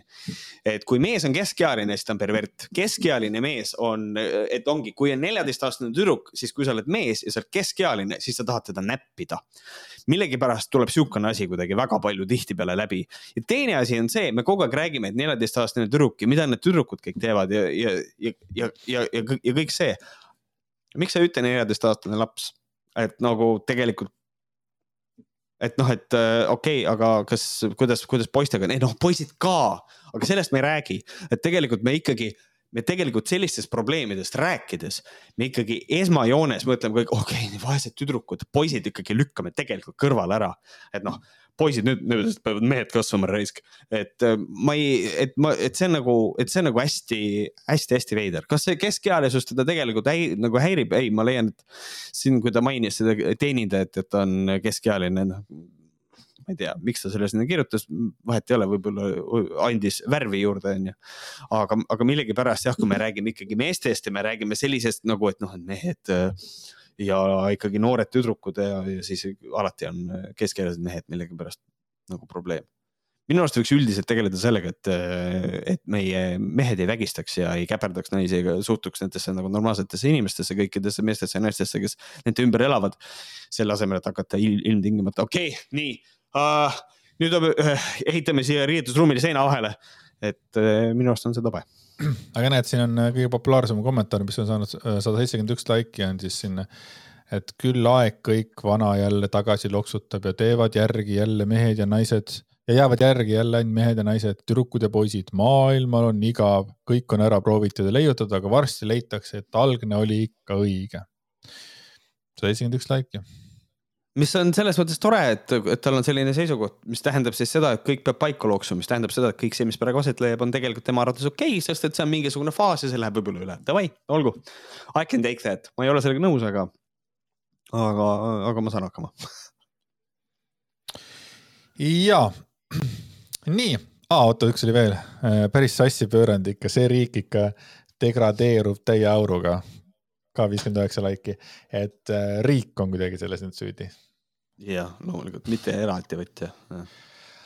aga kuule, me oleme tund aega siin jõhverdanud äh, ühest, teisest ja kolmandast.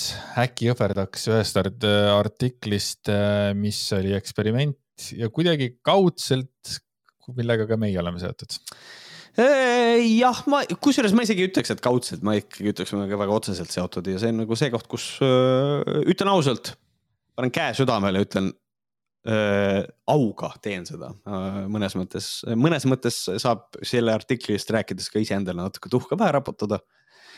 et äh,, et jah, nimelt äh, siis Eesti Ekspress viis läbi põneva eksperimendi.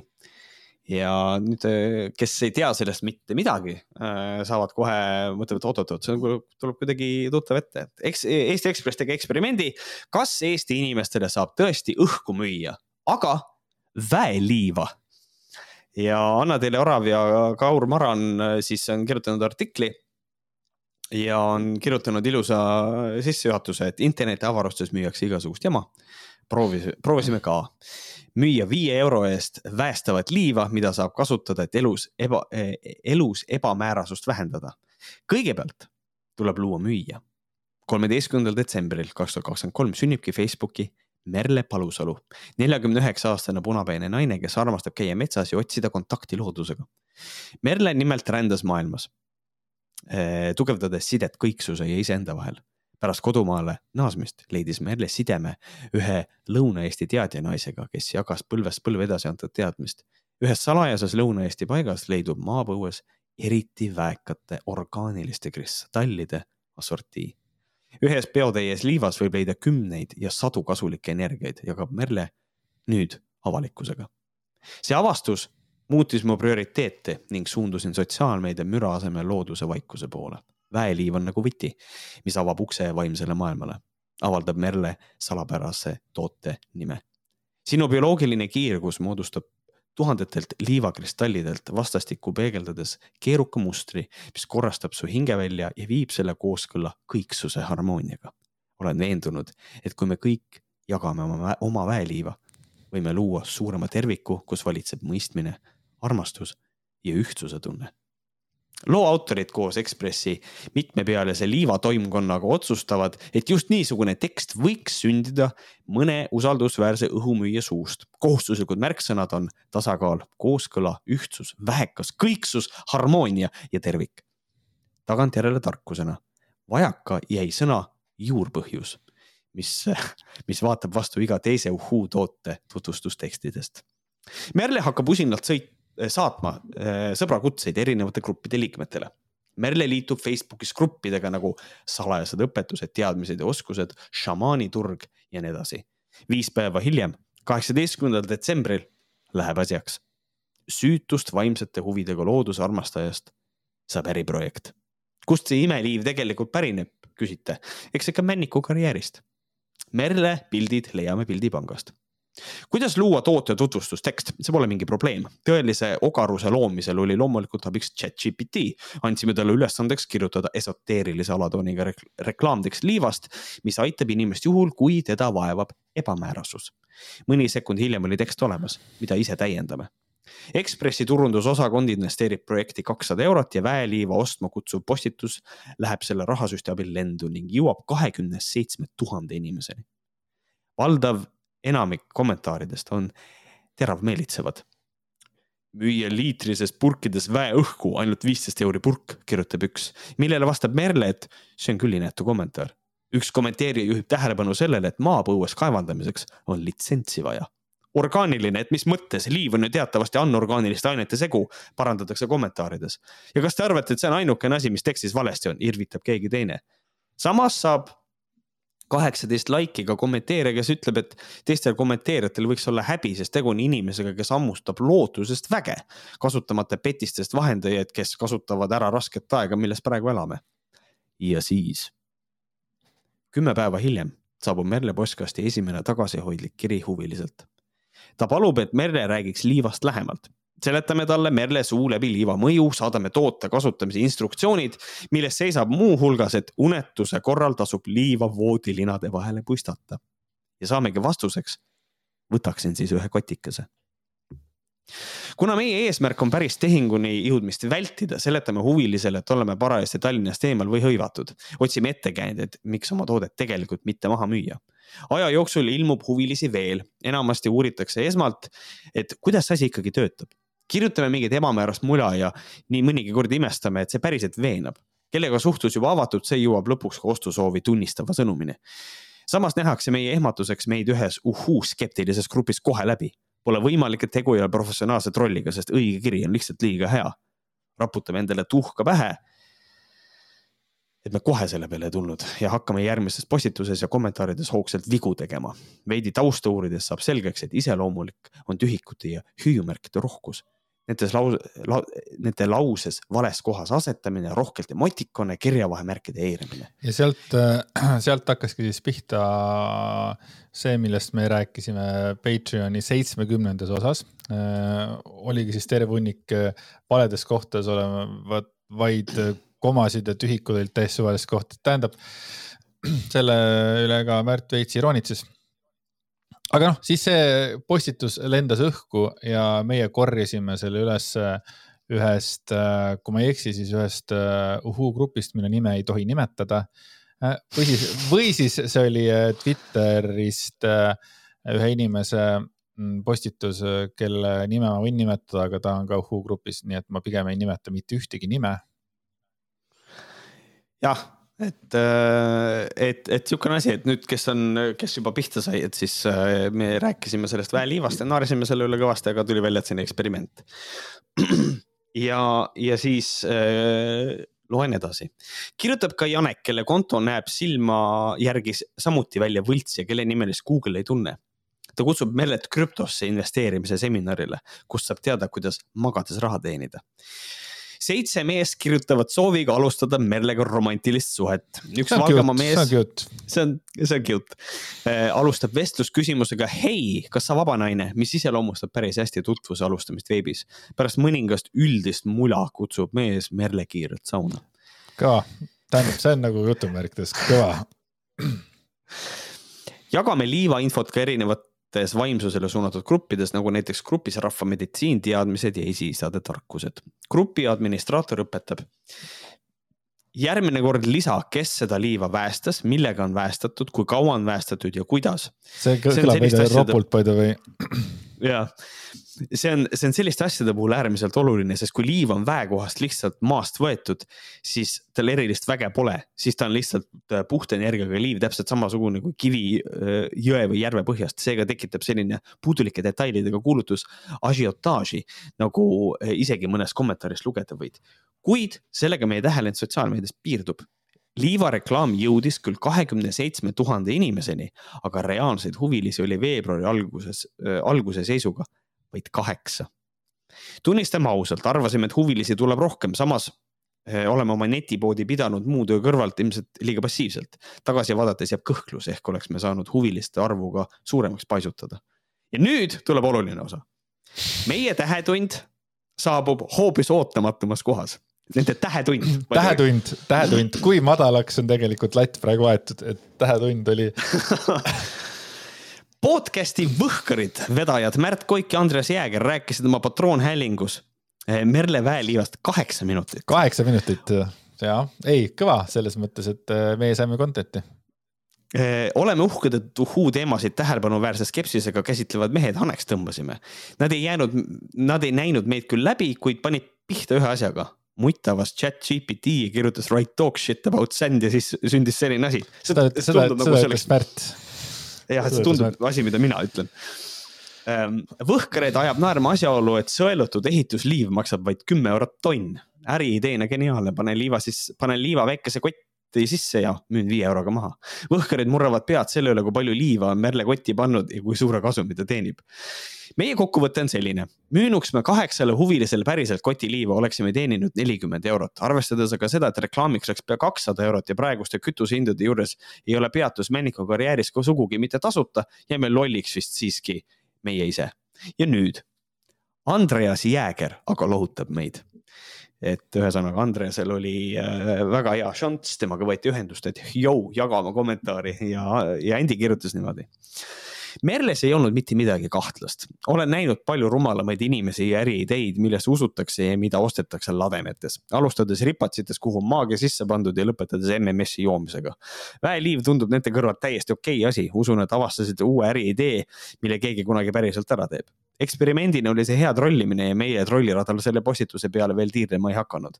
on olemas ka tegelane nimega Nõit Sigrid, kelle postitusi võhkarid kunagi lahkasid. kuskil kolmanda Sigridi postituse arutelu jooksul jõudsime arusaamani, et tegu on trolliga ja rohkem tähelepanu Sigrid ei saa.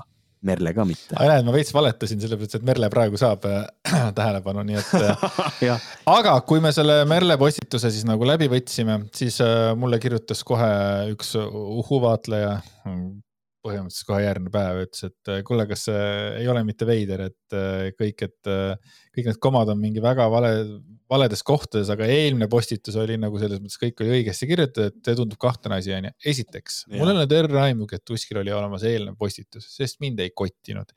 teine postitus kottis mind sellepärast, et see oli lõbus asi, millega nagu äh, tegeleda. ja selles mõttes äh, mina küll endale tuhka pähe ei taha raputada, seepärast et mul ei ole õrna aimugi tegelikult, kui palju äh, on mingisuguseid veidraid inimesi, kes mingeid veidraid asju ütlevad äh, ja kes on sattunud juhuslikult meie saate, ütleme Võhkarit saatesse ei ole eriti raske äh, saada, sa pead ju kirjutama midagi lolli või ütlema midagi lolli ja kui me selle üles korjame kuskilt, siis ongi olemas. et äh, näegi, Nõit Sigrid oli hea näide, et võib-olla siin kuskil teise-kolmanda korraga, et minu arvates äh, väga tubli töö, kahju, et nad miinusesse jäid sellega muidugi. aga ja. ma sain vastuse, ma tahtsin ju küsida, et, et palju ta teeninud on ja nelikümmend eurot siis põhimõtteliselt oleks teeninud. jah, et see on sihuke huvitav äh,, aga siin on ähm, Uhuu skeptilises privaatses Facebooki grupis nähti meid kohe läbi. anonüümseks jääda soovinud Uhuu vaatleja toob välja kuus põhjust. pilt oli pildipangas kenasti leitav, autoriõigustega asjad korras, ükski Uhuu ei vaevu seda tegema, nad kasutavad pilte ilma õiguseta. õige kiri, lihtsalt liiga korralik, tühikud ja komad paigas, vähe hüüumärke. õige kiri, järgmises postituses silmaga nähtav äh, erinevus kirjaoskuses, tühikud vales kohas ja nii edasi. nüüd, kui ma tahaks, tahaks olla kriitiline, siis see on siinkohal ja ma ütleksin, et nagu toimetusele, toimetuse suunas tegelikult ütleks, viskaks küll ühe kapsa, ütleks, et kurat, aga oleks võinud kindlaks jääda endale, et kirjapilt oleks ikkagi õige. et nagu see, et nad seda vahetasid, ongi nagu tegelikult nagu veits kehv samm ja siis liiga läbinähtav pakkumine, liiga naljakas, et olla tõsi, vaimlemise uhhuud Äh, vaimlemise uhhuud on lihtsam müüa, neid tuleb turule nagu sooja sõnnikuid ja nad armastavad harjunimesid. liiva, mandaleid, küünlaid, seepi, tinktuuri ja muud saab müüa ikkagi eelnevalt tuntust kogunud ja reaalselt olemasolev uhhuu inimene. Google ei anna nime vastaseks reaalset inimest, väga kahtlane, sest uhhuu hoolitseb selle eest, et tema nimi leviks võimalikult laialt. olles pidanud valima levinuma nime, näiteks Malle Tamm või midagi sellist uhuuks ei muutu ta nipsust, vaid sellele eelneb pikaajaline Facebooki liivakarjäär, mis, mis algab pisikesest ja pealtnäha süütutest asjadest nagu aroomiõlide kursused. siis veel see, et sõpru oli vähe, enne kui midagi müüa, tuleb hankida piisavalt endasuguseid sõpru Nendest põhjustest piisab, et trolli tuvastada. üks, okei okay,, kaks kokkusattumus, kolm troll, kuus ajakirjanik teeb eksperimenti ja Ekspressi liivatoimkond vabandab kõigi huviliste ees, kellel liivi jäi saamata, sellele saab päriselt ka tulla järgi Narva maantee kolmteist esimese korrusele Delfi meediateeninduspunkti täiesti tasuta see on tore, liiva nad annavad ära, see on, see on armas. aga jah, et, et selles mõttes, et, et jah, kuna siin me ka siin väga tausta ei uurinud, et siis üks postitus meieni tõepoolest jõudis. aga tuleb tunnistada, et selle liiva müümise kontseptsioon oli niivõrd naljakas, sellest nagu lihtsalt pidi rääkima, et selles mõttes, et jah, et aga, aga mina ikkagi raputaks endale natukene tuhka pähe, et kurat, tahaks ikkagi olla natukene, et nägin läbi, aga tõepoolest seda, seda ei, seda ei näinud läbi nii väga mm. -hmm. ainuke asi, mis mulle kahtlane tundus, oli see, et äh, ma tundsin ära äh, kaks äh, nime, kes meie Patreoniga liitusid ja üks neist oli Eesti Ekspressi ajakirjanik, keda ma väga hindan ja teine oli ka seotud Ekspressiga, kelle nime ma panin otsingusse ja vaatasin, et okei okay,, see on that guy. siis vaatasin, et okei okay.. nii et tegelikult võitsime meie rahaliselt et väga hea. selles suhtes küll, aga jah, minge vaadake seitsmekümnendas osas äh, Patreonis, kus me räägime sellest, äh, arvates, et tegelikult äh, kõik see on päris mul oli veel üks mõte, aga ma vist kaotasin selle, sest et ma olen that guy. ei, oota, ma korjan üles. nii see mõte oli see, et tegelikult mina ka sekundeeriks seda, mida tegelikult Andy vastas neile, et tegelikult, et äh, kui me vaatame kogu seda sitta, mida müüakse, siis tõepoolest, kui keegi paneb koti sisse väeliiva, hakkab seda müüma äh, kalli raha eest. ma ei pilgutaks silma ka, täiesti vabalt. Kerro müüks või Tene laul, see ei oleks mingisugune pš, täpselt täiega chill, sest see on palju kohutavamaid asju müügil äh,. ikkagi mul ei tule see meelde, see asi, mida ma öelda tahtsin, seega ma lähen teen väikse kiire Äh, reklaami ka sellesse samasse Eesti Ekspressi, kus äh, oli seesama see liiva eksperiment. seal ilmus ka minu äh, veebruari kolumn, kus ma rääkisin sellisest vahvast inimesest nagu Ingast, kes, kes on Inga, Inga on selgeltnägija. Ja selgeltnägija Inga teenib oma räpast raha ka sellise asjaga, et ta loeb surnute sõnumeid ja vahendab neid lähedastele, mis tähendab, et tema raha teenimine on üks räpasemaid üldse ja kui te lähete seda otsima, siis Uhu ekspert, inetu teenus, mille pakkumisel teenitakse leinate valu arvelt. nii, aga äh, see artikkel on läinud lendu, mida ma nagu näen ja kommentaarides ollakse ikka päris kurjad, nad küll jäävad jah, päris tihti sellesse nimesse kinni, uhuu ekspert, selles mõttes, et juba klikk on juba saadud, onju. ja ka Kertu Luisk mm. avastas mind ja kirjutas sinna, et uh, uhuu ekspert, kust seda kvalifikatsiooni saaks, peavool peamiselt uhuud toodabki ja nüüd on hakanud näpuga näitama uh,. Kertu Luisk teeb palju asju viimasel ajal. Martin Laine tegi temast juhuslikult eile Twitteris vatnikusupi ja et Kertu Luisust äh, te võite saada teada, kes ta on, aga mulle teeb, mis mind nagu, mis on minu arust nagu naeruväärne, on see, et äh, inimene, kes on, kes see oli, kes ta oli? noh, ütle mulle, kas ta oli mitte Maker, vaid mingi ju mingeid ilutooteid, iluteenuseid. midagi sinnakanti, et tema tuleb ironiseerima selle kohta, et uhuu ekspert, kus seda kvalifikatsiooni saaks ja nii edasi, nagu päriselt nagu sina tuled ütlema, nagu see on nagu, see on nagu kõik, ükskõik kes inimene aga et nagu samamoodi mingi iluteenuse tegija, kes äkki nüüd on vabadusvõitja, mul ei ole selle vastu midagi, kõik inimesed võivad selles mõttes äh, olla sisemiselt hoopis teistsugused kui see, mida, mis tööd nad teevad, aga lihtsalt nagu tema tuleb naeruvääristama või? ise on kuradi fucking vatnik peale selle, vaata. temal, temal puudub kvalifikatsioon rääkida nendest asjadest, mida tema räägib jah, selles ja. mõttes, et see on natukene irooniline ja naljakas.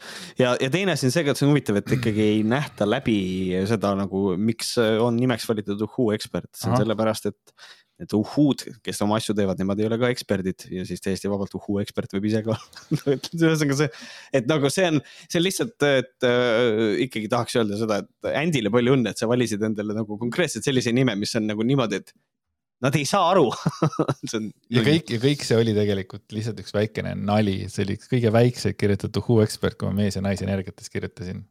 aga noh mm -hmm see selleks, aga äh, kindlasti teate, kes on Revo Pehlak, et äh, tema vist on madistanud roosa banaanikesega, mitte vist, vaid ongi. ja ähvardanud teda igast trikke teinud ja siis tema kirjutas sinna alla, et see kiilakas oli kunagi kõva pide, bodybuilder, nüüd puhtalt pedeks tõmmanud, et ma sain ka selle pede ära nüüd siis sulle kirjutati kunagi, et sina oled pede, siis äh, ka ja. mina olen pedeks ära tõmmanud. lõpuks ometi me oleme mõlemad jess. aga mina võtan seda puhtalt kui, kui jälle suurt komplimenti, et kunagi ma olin kõva bodybuilder, et äh, ja. aitäh, aitäh Rebale selles mõttes. aga lähme liigume nüüd äh, Õhtulehe peale. ja seekord ei ole Timofei, vaid seekord on Nils ja Nils siis äh, kuu aega tagasi äh, tegi artikli, kus ta rääkis Kristi Saarest. Ja mille pealkiri on siis äh, kohe ütlen, finantsvaba staarinvestor. Kristi Saare teenib investeeringutega oma sissetulekuist kõigest pisku. väga selline pealkiri, mida hekk, mis nüüd siin toimub. Ja natukene võtame siis seda ka teiega koos läbi nii, Nils kirjutab, kuna, kuna meedia kõik senised teadmised Kristi Saare investeeringutest pärinevad temalt endalt, aga ta koolitab inimesi investeerima, sukeldub Õhtuleht tema rahaasjadesse. jälle üks põnev töö, mida teha. muide, mis ma tahtsin öelda seda, et, et äh, minu arust on tore, kui selliseid äh, liiva eksperimente tehakse ja kui ma saaks raha, ma teeks ka hea meelega selliseid asju okay. ilma vist ei viitsiks hakata nagu mingit äh, fake äh, asja ehitama. Ähm, aga see natukene oli ka selline õpetus, äh, kuidas teha fake kontot ja kuidas hakata päriselt skämmima inimesi ja kuidas vahele jääda, et, äh, et selles mõttes need uhuu-grupid nagu, mis neid asju läbi vaatavad, et neil on tegelikult ikka väga hea nina. et oh, lihtsalt nad vaatavad, ah, okei okay,, ei kuulge, see on troll, ignore, see on lahe. ja nad teevad seda asja nagu, nagu sellise tohutu, tohutu südamega et näiteks mm -hmm. meie siin paar kuud äh, väsisime uhhuudest nii ära, et peaaegu kahe kuu jooksul äkki oligi Merle, äkki Liiva Merle oligi meie esimene selle aasta uh, uhhuu teema üldse või midagi sinnakanti onju, et, et aga uhhuu gruppides jah, ühte, mille nime ei tohi nimetada. kurat, nad on ikka fanaatikud, selles mõttes nagu nad on fanaatilised, nad on targad, nad on osavad, nad on tublid, nad on ilusad, et äh, respekt. aga ma tahtsin seda öelda, et sellist tööd on ka muidugi tore teha, et nagu, et ükspäev mõtled, kurat, aga Kristi Saare, kurat, see kuradi ma, need äh, teadmised pärinevad, et me oleme kuulnud, ta räägib, aga kuidas päriselt on? Ja siis nagu sukeldutakse nagu uurivad ajakirjanikud, et okei okay,, hakkame vaatama mm. -hmm nii, aga Saare avalikkusele esitatava loo juurde käib jutt sellest, kuidas ta alustas teekonda finantsvabaduseni kaksteist aastat tagasi, töötades õpetajana ja investeerides kümne euro kaupa kuus. tema veebilehe kristiinvesteerib.ee reklaamlauseks on investeerimine on kõikidele Saare ei väida siiski, et kõik tema käes äh, kohe kullaks muutub, nii tunnistab ta enda kahe tuhande kahekümne kolmandat aastat kokkuvõtvas blogipostituses, et kahe tuhande kahekümne esimese aasta investeerimisaasta äh, läks ülesmäge, kaks tuhat kakskümmend kaks aasta allamäge ning möödunud oli lihtsalt okei okay. Õhtulehele ütleb Saare, et eelmise aasta käibekasvu numbrid olid väiksemad, sest ta tegi vähem tööd. puhkasin ja reisin rohkem, räägib ta. Delfi ärileht aga kirjutas detsembri lõpus, et Saare investeerimisportfell läheneb miljonile eurole novembris rääkis ta Virumaa Teatajale, et poole miljoni ja miljoni vahele jääv portfell toodab piisavalt palju, et mõistliku elukvaliteediga tavaline pere saaks normaalselt ära elatud. kui liita Asrai Capital, mis on üks tema see, kus ta on osanik, investeeringute ja pensionisammaste kokku neljasaja tuhande eurosele väärtusele, kakssada nelikümmend kolm tuhat eurot äh, kinnisvara, saame tulemuseks kuussada nelikümmend kolm tuhat eurot mis jääb miljonist veel kaugele kui aga võtta arvesse laene ja muid kohustusi, jääks sellest üsna vähe järele. Äh, ma olen seda teksti kokku äh, tõmmanud päris palju, siin kirjutas laialt lahti nagu kõik, kõik numbrid kirjutas lahti ära. et äh, seal oligi niimoodi, et kui laenud kõik maha arvutada, siis seal kuskil see mingi kakskümmend seitse, kakskümmend üheksa tuhat on siis nagu see, mis talle laias laastus nagu kätte jääks mm. -hmm sestap tekibki küsimus, kas ja mil määral on finantsvabadus see, kui inimene võtab vabaks äh, saamiseks laene. laenud tähendavad ju kohustusi ja riske, piltlikult öeldes on panganöör pidevalt ümber kliendi kõri. Saare vastab sellele küsimusele, et finantsvabadust ikkagi laenuna ei rahastata. idee on see, et su portfell on piisav, et toota nii palju juurde, et see kataks sinu elamiskulud. okei okay küsimus, kas Saare ise on pärast kahtteist aastat pikkust investeerimist nüüd lõpuks finantsvaba? Äh, ütleb, oleme ausad, kuna ma ehitan praegu maja, pean kulutama oluliselt rohkem kui teenin, aga põhimõtteliselt jah, enne seda säästlikult kulutades küll. sõltub, palju sa kulutada tahad. kuna ma tahan kulutada veidike näiteks reisimise peale, siis ilma tööd tegemata ei saaks seda endale küll lubada. Äh, kui elada rahulikku ja tavalist elu ning elamise põhikulud on kaetud, siis see vastabki finantsvabaduse definitsioonile muide, minu jaoks see ei tähenda tegelikult seda või vähemalt see, kuidas reklaamitakse seda finantsvaba või seda jah, finantsvabadus.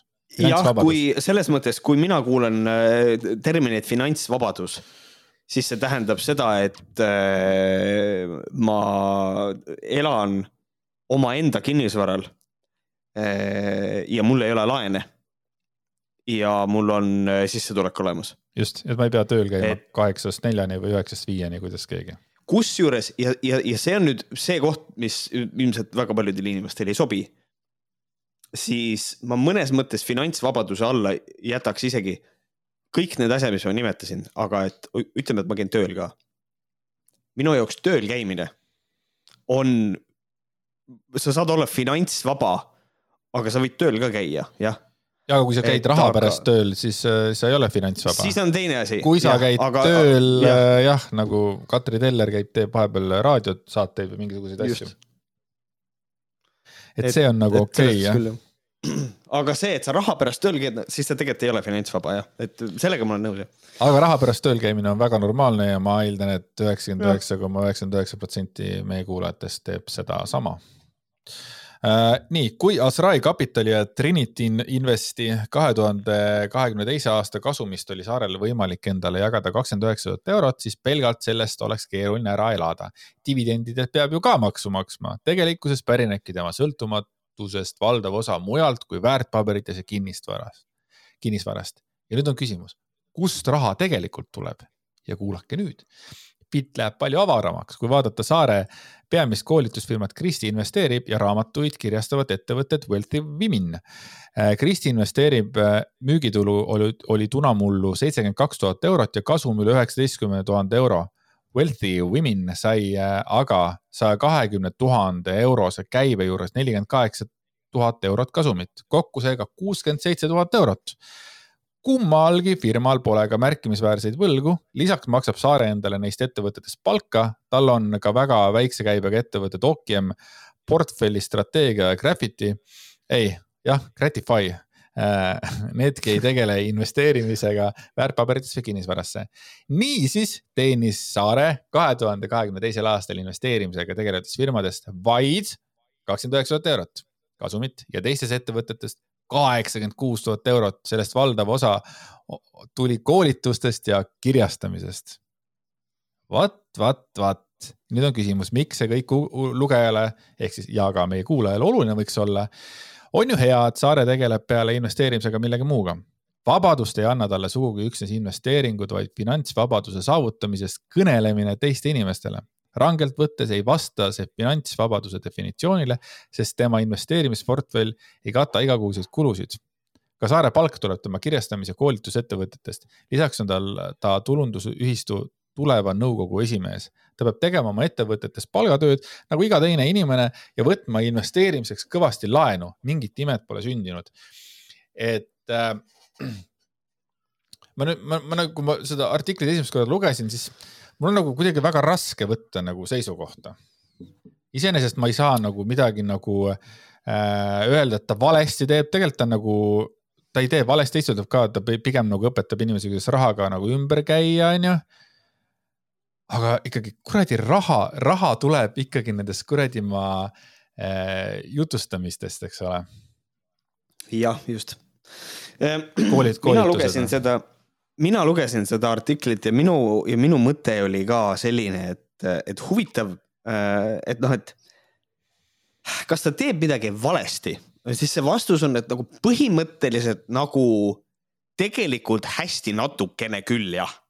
et Äh, et ta ikkagi üldiselt ta ikkagi jätab mulje, vähemalt äh, mulle on ta jätnud, et jumala eest. Äh, Kristiga ma olen kurat ühe laua taga Dungeons and Dragonsit mänginud, et nagu selles mõttes, et kui ma eksin, jumala eest, kirjuta mulle ja ütle, et ma mõtlen valesti, aga mulle on jäänud vähemalt selline mulje, et ka tema ise väga nagu, see on talle ju kasulik ka, et hei mina investeerin, teen siin väikest, ma ei tea, kirjutan blogi ja, ja, ja räägin sellest asjadest ka muidugi noh, tasuliselt on ju, et. et äh, aga, et kuidas jõuda finantsvabaduseni ja ta jätab mulje, et ta on ise ka jõudnud finantsvabaduseni. aga tegelikult, kui me nagu nendele numbritele otsa vaatame, siis tegelikult, aga sa tegelikult ei ole finantsvaba.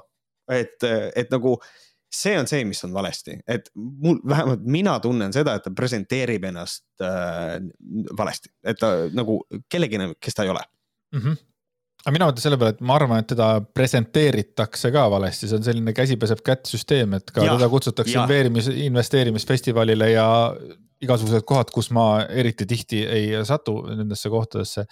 et siis oh., et noh, ongi noh, eh, nemad saavad selle reklaami, et eh, Kristi tuleb rääkima sellest, eks ole, ja räägib rahast, eks ole, ja ongi investeerimisfestival, kuradi vabadus, asjad ta, ta, ta, ta, ta on ju. ja noh, tal läheb ju Aga... hästi, ta läheb ju raisk, kui sa vaatad seda summat, kaheksakümmend kuus tuhat euri, ei ole mingisugune väikene kuradi ma fucking eh, kasum.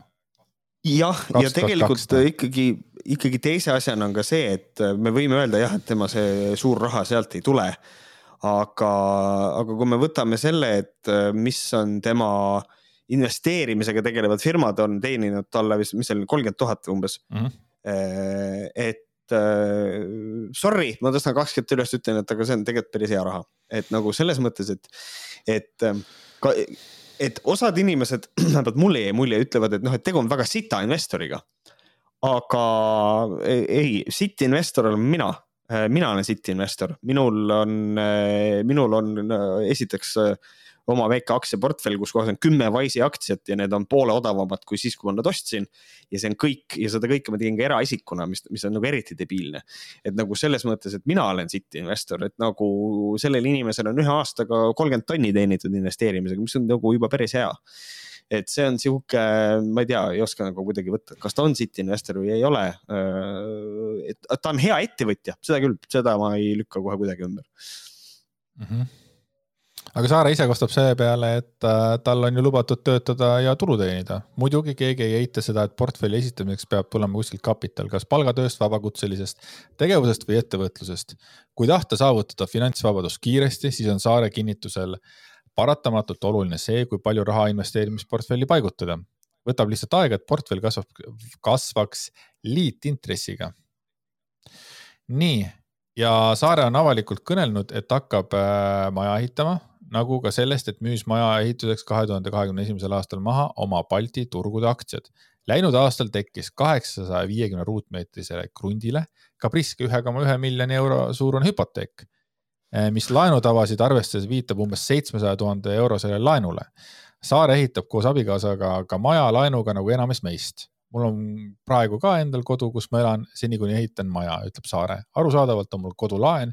kui ma praeguse kodu maha müün, siis väheneb oluliselt ka laenukoormus. kahjuks pole kellelgi tänapäeval võimekust päris laenuta äh, maja ehitada vot ja Saare teeb koolitusi, kuidas alustada investeerimisega. ma räägin eelkõige sellest, kuidas rahaasjad korda saada.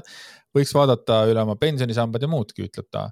kui me räägime, et on rahvussportlased, kes käivad jooksmas ja tippsportlased, kes käivad olümpial, siis finantsvabadus on miski, millel mille kallal inimene pühendunult aastaid tööd teeb, see ei ole täpselt nii, et koolitad kedagi ja ta saavutab finantsvabaduse.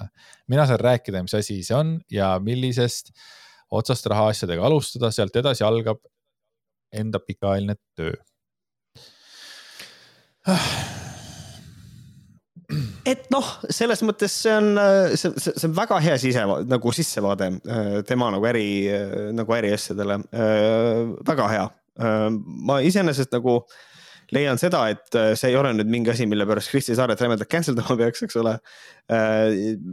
Õhtulehelt iseenesest hea töö, aga ei, no ei ole Mailis Repsi paljastuste tasa, tasemel päris. et, ähm, et mina lihtsalt leian nagu, mina leian seda, et see on hea asi, millest rääkida. et, äh, et siin on, ma ei, noh, on ütlus, kes ei oska, see õpetab.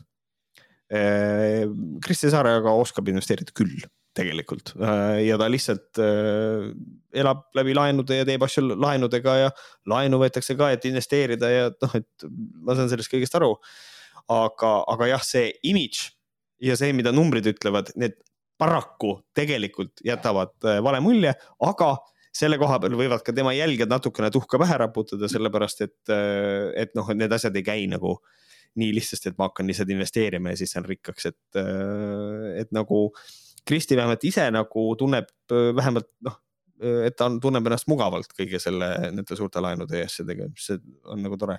küll aga ma, ma võiks talle pakkuda mingit PR teenust, et ta ei ütleks siukseid lauseid, et aga mul on ju lubatud töötaja, töötada ja tulu teenida. no ta, keegi ei olegi öelnud, et ei ole, why would you say this, aga ühesõnaga, et sihuke, et, et, et üldiselt ma ei tea jah, see on täpselt niisugune artikkel, et hmm, seda on nagu hea teada, aga päris nagu hukka ka ei mõistaks. Näiteks Raivo Hein on selle kohta öelnud, et äh, ei saa ükski tõsiseltvõetav investor ilma laenamiseta hakkama, eriti siis, kui ta tegeleb kinnisvaraga sa muudad oma, oma, sa muudad oma kapitali tootluse kordades paremaks, kui sul on laen peal, selgitab ta. sa kasutad võõrkapitali ja selleks ju pangad ongi. laenudes pole midagi halba, kui investeerid kinnisvarasse, börsil kaubeldavatesse varadesse või kui sa oled eriti hea tegija, hakkad ettevõtjaks. kui vaatate minu majandusaasta aruandeid, leiate sealt samuti päris mitu miljonit laenu. kõik see raha teenib kuskil et selline teistsugune äh, vaatenurk või selles mõttes nagu sarnane vaatenurk, et noh, et see laenamine tõesti, et võõra rahaga seal tegeled, et möllad, et. jah, äh, ettevõtja näeb, noh, ettevõtjad näevad raha natukene teistmoodi kui see, kui niisugune inimene, kes ei ole ettevõtja tegelikult. aga et, Raivo äh, Hein sai pahandada arva ära kelle käest. Raivo Hein sai ta sai väga palju pahandada jah. Äh, ta sai, ta sai pahandada Eh, noh, üks asi, mis ta ütles, eh, praegu tuli ette kohe ka see, et palgatööga ei saa rikkaks, et tuleb hakata ettevõtjaks, et, et siis võib rikkaks saada. aga ta ütles eh, selle, selle samal, see oli rööprähklejates kusjuures, shout out. siis ta ütles seal seda, et noh, et kui sõda tuleks, et mis ta siis teeks, siis ta ütles, et helikopteriga lendaks Saaremaale, sealt edasi vist oli Rootsi ja siis sealt Hispaaniasse. et ta ütleks, et ta sõja ajal põgeneks ära aga Varro sai ka kurjaks ja kirjutas, et mul ei ole vähimatki kahtlust, et suur osa Eesti niinimetatud eliidist äh, talitab sõja Eestisse jõudmise korral just nii, nagu miljonär Raivo Hein kirjeldab. Ja et teiste hulgas tegutseb samamoodi kui valdav osa psühhopaatidest ja tublidest käsutäitjatest moodustavatest parteilistest ja bürokraatlikust ladvikust, mis meile oma vastutustundetu tegutsemisega sõja kaela tõmbab kahurilihaks saadetakse aga mobilisatsiooni käigus lihtsaid inimesi kel ei ole sõja esilekutsumises mingit süüd, meie, meie sõbrad, meie pojad, meie vennad ja nii edasi. sellise asjade käigu teostamise tõenäosus kasvab iga päevaga. vaata kui hea, et on hea äh, võtta see, võtta see kuradi oma klipp ja siis selle oma narratiiv sinna otsa lükata jah, rääkimata sellest, et on hästi oluline, hästi oluline tähelepanek on selle, see pisikene väikene detailike, mis tal on selles postituses, kus kohas ta ütleb inimesed, kellel ei ole sõja esilekutsumises mitte mingisugust süüd mis mõttes sõja esilekutsumises, äh, aga seal on äh, ilmselt sees see väikene vihje, et noh, kui Venemaa meile peaks peale lendama, siis ilmselgelt selleks on mingi põhjus uh. Mhm. -huh et äh, niisama ju seda ei tehta, et see kutsutakse ju esile äh,. ja, aga mina oskan ainult seda öelda, nimesid ma ei nimeta, ma räägin üldiselt siinkohal, ütlen seda, et minul ka puudub igasugune kahtlus selle pealt, et meie äh, Eesti Vabariigi isegi võimukoridorides on eh, libedaid tõpraid, kes on tegelikult eh, täielikud vatnikud ja lakuvad eh, suurima heameelega meie vaenlase perseid. ja kui see sõda peakski siia riigipinnale tulema, siis nad hea meelega lähevad teisele poole üle ja ei, see on, see on ilus mõte tegelikult, millega Eh, lõpetada, eh, soovitame Twitteris eh, otsida Martin Laine üles ja vaadata seda vatniksuppi, millel on isegi lausa oma kodulehekülg ka by the way, et mitte ainult Twitteris. just. et minge vaadake, kes tegelikult vatnikute nime on ära teeninud. kes tegelikult vatnik on. kes tegelikult vatnik on. aga ei, kõva. kuule, aga mulle väga, väga meeldib sinuga umbes poolteist tundi siin vestelda minul ei olnud, mulle ei meeldi sinuga rääkida üldse viimasel ajal, kuradi kiilakas, mis see, kuradi kiilakas, nagu sulle öeldi. just, et äh, kui nii, kui nii, kui nii, siis nii, et siis vaatame, kaua seda Võhkareid veel üldse niimoodi sellise vibe'iga nagu saab äh, teha, kui äh, üks ei hinda üldse teist vestluspartnerit ja teine hindab ühte väga palju, et see, kas, kas ma suudan nagu lõpuni venitada selle Võhkarite võidukäigu tuleb Brigitte minu asemele, saad hakkama küll. Brigitte teeb äh, Laura Valguga äh, saadet. aa, oota, kus see on? sa võiks Varro Vooglaiuga podcast'i teha. kurat, mul on, mul on screenshot oli ka siin tegelikult, äh, kui ma nüüd kähku, kähku otsin ülesse Brigittest nagu. Brigitte, Brigitte tegi siis story. ta siis ditch'is nagu, ditch'is äh, nüüd äh, Antsu ja nüüd, okei okay.. Antsu? Aa, vist no, Laura Valgu või? ja vist Laura Valgu asemel, aus, aus. Aga. võtame ühe uhuu, võtame teise.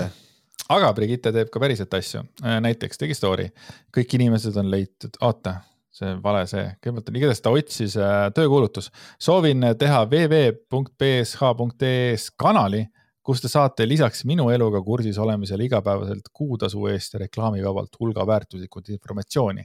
selle jaoks otsin. Beebi või pereteemade blogijat, meessoost blogijat, kes kirjutaks mehelt mehele. ma olen täiesti kindel, et Kris Kala Äh, võttis ühendust temaga ma ei tea, miks. Äh, Kõmu rubriigi blogijat või siis Kossi haldajat, mm, ma olen täiesti kindel, et Maljukas ei kirjutanud talle. Äh, psühholoogia haridustega, haridusega inimest, kes jagaks hingeteemasid, okei okay,, cool. täna alustab FitLife gluteeni ja laktoosivaba ja vahepeal vegan retseptinurk, peagi lisandub ka mood muidugi koostame ka lepingu ning tasu on lisaks igavesele kuulsusele motiveeriv. kandidaadil peab olema hea kirjaoskus vajadusel saame lisada konfidentsiaalsuse klausli, et teed seda kõike anonüümselt. vot ja siis ta leidis kõik inimesed ülesse.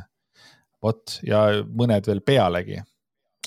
see on sada protsenti minu tee anda võimalus headele ja andekatele veel mittetuntud inimestele eh, et nad saaksid oma väljateenitud võimaluse oma pädevust teiega jagada bsa.ee on mu elutöö ja nii edasi.